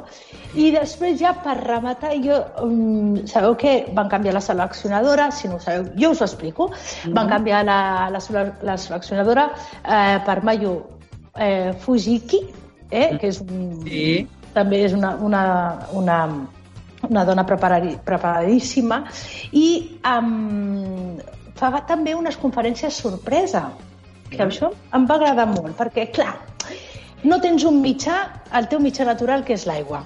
Bueno, Ja. has de tenir una dedicació diària d'entrenament de 4 hores per matí, pràcticament 4 hores per la tarda, sense el teu mitjà, a sol a casa, encara que per molta videoconferència i històries. Sí. Llavors, ella ha ideat um, doncs unes conferències sorpresa, que a vegades uh, són gent interessant també del seu entorn, o, per exemple, amb el Santiago Segura, que es, va sortir amb un banyador de noia per animar-les, perquè hi ha una part molt important molt important que, que no ens oblidem que necessiten aquesta, que, que, que ja ho tenim, necessitem tots, eh? Sí. però si, pas, si estem entrenant-nos i no estem amb el nostre mitjà natural, doncs um, tenir una motivació o pues, unes ganes també de, de, de seguir en endavant amb unes conferències així divertidíssimes. Es veu que eh, pues un, una call, tothom disfressat i tal, i de sobte apareix ell com a convidat i bueno, pues els diu, escolta, pues bona feina, esteu fent la feina estupenda, en seguiu endavant, vinga, no deixeu, i això és, dius, uau, no? I em va semblar molt divertit, perquè també a l'esport també ens ha de divertir d'alguna forma, no? I, i crec que, que, que està molt bé per part de la seva seleccionadora. Clar. I això, Molt- això del Santiago Segura és, va ser puntual? O sigui, les visites que dius són com recurrents, no? Sempre són famosos molt famosos o són No, no, no, no, no, no, és, eh, no, no són famosos, famosos. Per exemple, hi havia pues, eh, un gimnasta de Cirque du Soleil, un altre dia va haver-hi, tampoc són cada setmana, eh? No, no, no, no tinc l'agenda d'ella, però sí que és veritat que aquestes parts de sorpresa fa que l'equip també es cohesioni. Quan, sobretot, el, eh, jo practico molt els esports, els esports individuals eh, i no sóc de practicar esports amb, amb grup. Llavors, eh, el grup ha d'estar super cohesionat, però sí que he participat moltes vegades, no? Llavors, el, el grup està molt cohesionat. Si una es despenja, mmm, allò perd, perd. I necessites, i necessites que estigui unit, que, que tots a una i tal, no? I són moltes, no? Són, no sé si, eh, sis, jo diria que són 12 més o menys, no? Llavors necessites que, que tant en tant et doni pues, a, aquest, aquest xut d'adrenalina, de divertiment, Ja. no? I, de, I aquestes coses fan de cohesió, no? Que riguis, que tinguis anècdotes conjuntes. Animar-se, desconnectar, és que és tot una mica, és tot una mica. Clar. És una meravella. Sí, pues la veritat és que sí, m'ha semblat, perquè clar, eh, veus uns esportistes d'èlit que estan entrenant, entrenen a casa seves, molts d'ells tenen grans maquinàries, per exemple, pues, a, a, doncs, des de Rafa Nadal, que té, a part que té un gimnàs, eh, li porten les màquines per entrenar. Ell és un dels que s'ha queixat des del principi um, que solament a Espanya ha sigut l'únic país que no ha deixat entrenar els esportistes d'elit en els llocs, perquè a més ells precisament guarden molt la distància. Clar. Eh, Un tenista guarda molt la distància, però clar, no és equitatiu en tots els esports, no? I ha sigut molt crític eh, de dir, escolta, doncs, o, o també eh, nedadors importants, no? Ha dit, escolta, jo estic a la piscina, necessito entrenar en el meu medi natural, no?, per, Ah. per seguir. Però, però, bueno, però tu vas veient molta gent, però clar, entrenen individual i això també eh, acaba acaba desmotivant-te, no? I, I trobo que les, que per les persones que estan aquí pues, doncs, és molt, molt, molt enriquidor, d'alguna mm. forma. Sí, sí. De fet, vaig veure una noia també de, de sincro de natació que a la cuina de casa seva s'estirava mig cos penjant i feia com si nedés. Sí, també És veritat, és veritat. És una, em sembla que és una... Eh, no sé, de Singlo, sí, però no és d'aquí, és una... una... Anna russa o... Anna no sé, Rossà, sí. Sí, Sí, és veritat. I es posaven al marbre, no? I llavors s'aguantava, la feia... I a més la feia- veia totalment recta com una taula i deies quina passada i com també la imaginació o el, o el, el buscar recursos de com entrenar, no? No, no, sembla increïble el que ens està fent fer Sí, sí, dels sí. nassos. I a tots, i a tots eh, ja, ja, ens fa, ja ens fan una mica així de, de tirar de, de creativitat, no? I, però aquesta gent que s'ho juga molt, ara sí que és veritat que han acabat les competicions, bueno, acabat, han clausurat gairebé totes les competicions, eh, ni, ni, ni, a, ni, ni als Jocs Olímpics, no? Però, però tenen que seguir entrenant tot allò que han treballat tres anys abans no ho poden perdre ara, llavors tenen que seguir treballant, no? I això és molt, molt important. sortiran. En sortiran i continuaran entrenant com puguin i, no? I, sí. com nosaltres que continuarem, no? Ah, Entrenant. sí, sí, sí, sí. Nosaltres continuarem, la, la vida, no sabem, tots estem pendents no, de què és allò que ens, que ens passarà ara eh, quan sortim. Doncs no ho sabem, però bueno, doncs, escolta, doncs llavors viu el dia avui i ara i ja, ja ens preocuparem que hi haurà demà, no? Tu, Nacho, què faràs la setmana que ve? Jo la setmana que ve estic una mica ocupadet. Tinc diverses hores... Mm, Soc com els nens petits que podran sortir de casa, però tinc treball. I tu? Pues jo també. Sí. Jo crec que hem ja de, com d'anunciar no, el que ens ha passat aquesta setmana, que hem anat com molt revolucionats i, amb, i jo ahir estava quasi sense veu, però he estat callada durant moltes hores per no, per no fastidiar-la.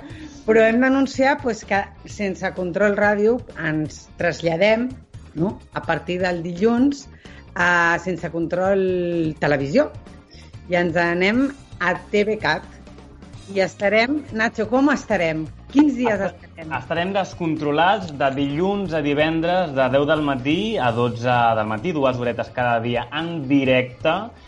Comencem això dilluns en diferents connexions amb els nostres col·laboradors i col·laboradores habituals. La Berta, una d'elles, estarà amb nosaltres a partir de la propera setmana. I, i farem el que hem fet sempre a la ràdio i també en vídeo, òbviament, però això, a un altre mitjà, a TVCAT, i tenim moltíssimes ganes de continuar a aprendre.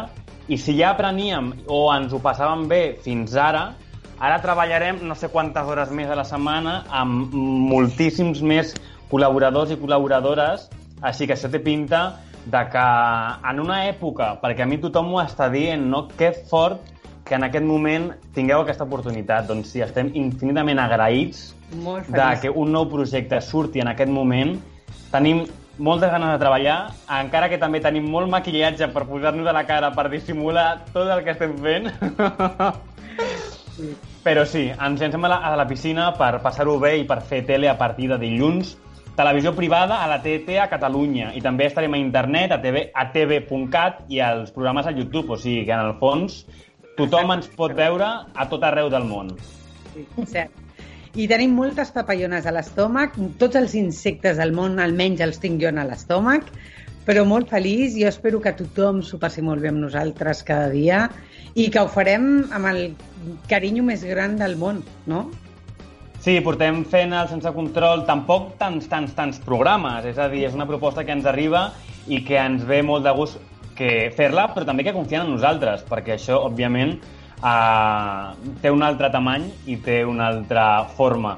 Així que serem molta més gent treballant, treballant en aquest projecte, a nivell tècnic i a nivell de, de producció també arribaran moltes més eines, segur, i estem eh, confi confinats però confiats, no? No deixem de... no perdem el, el somriure aquest.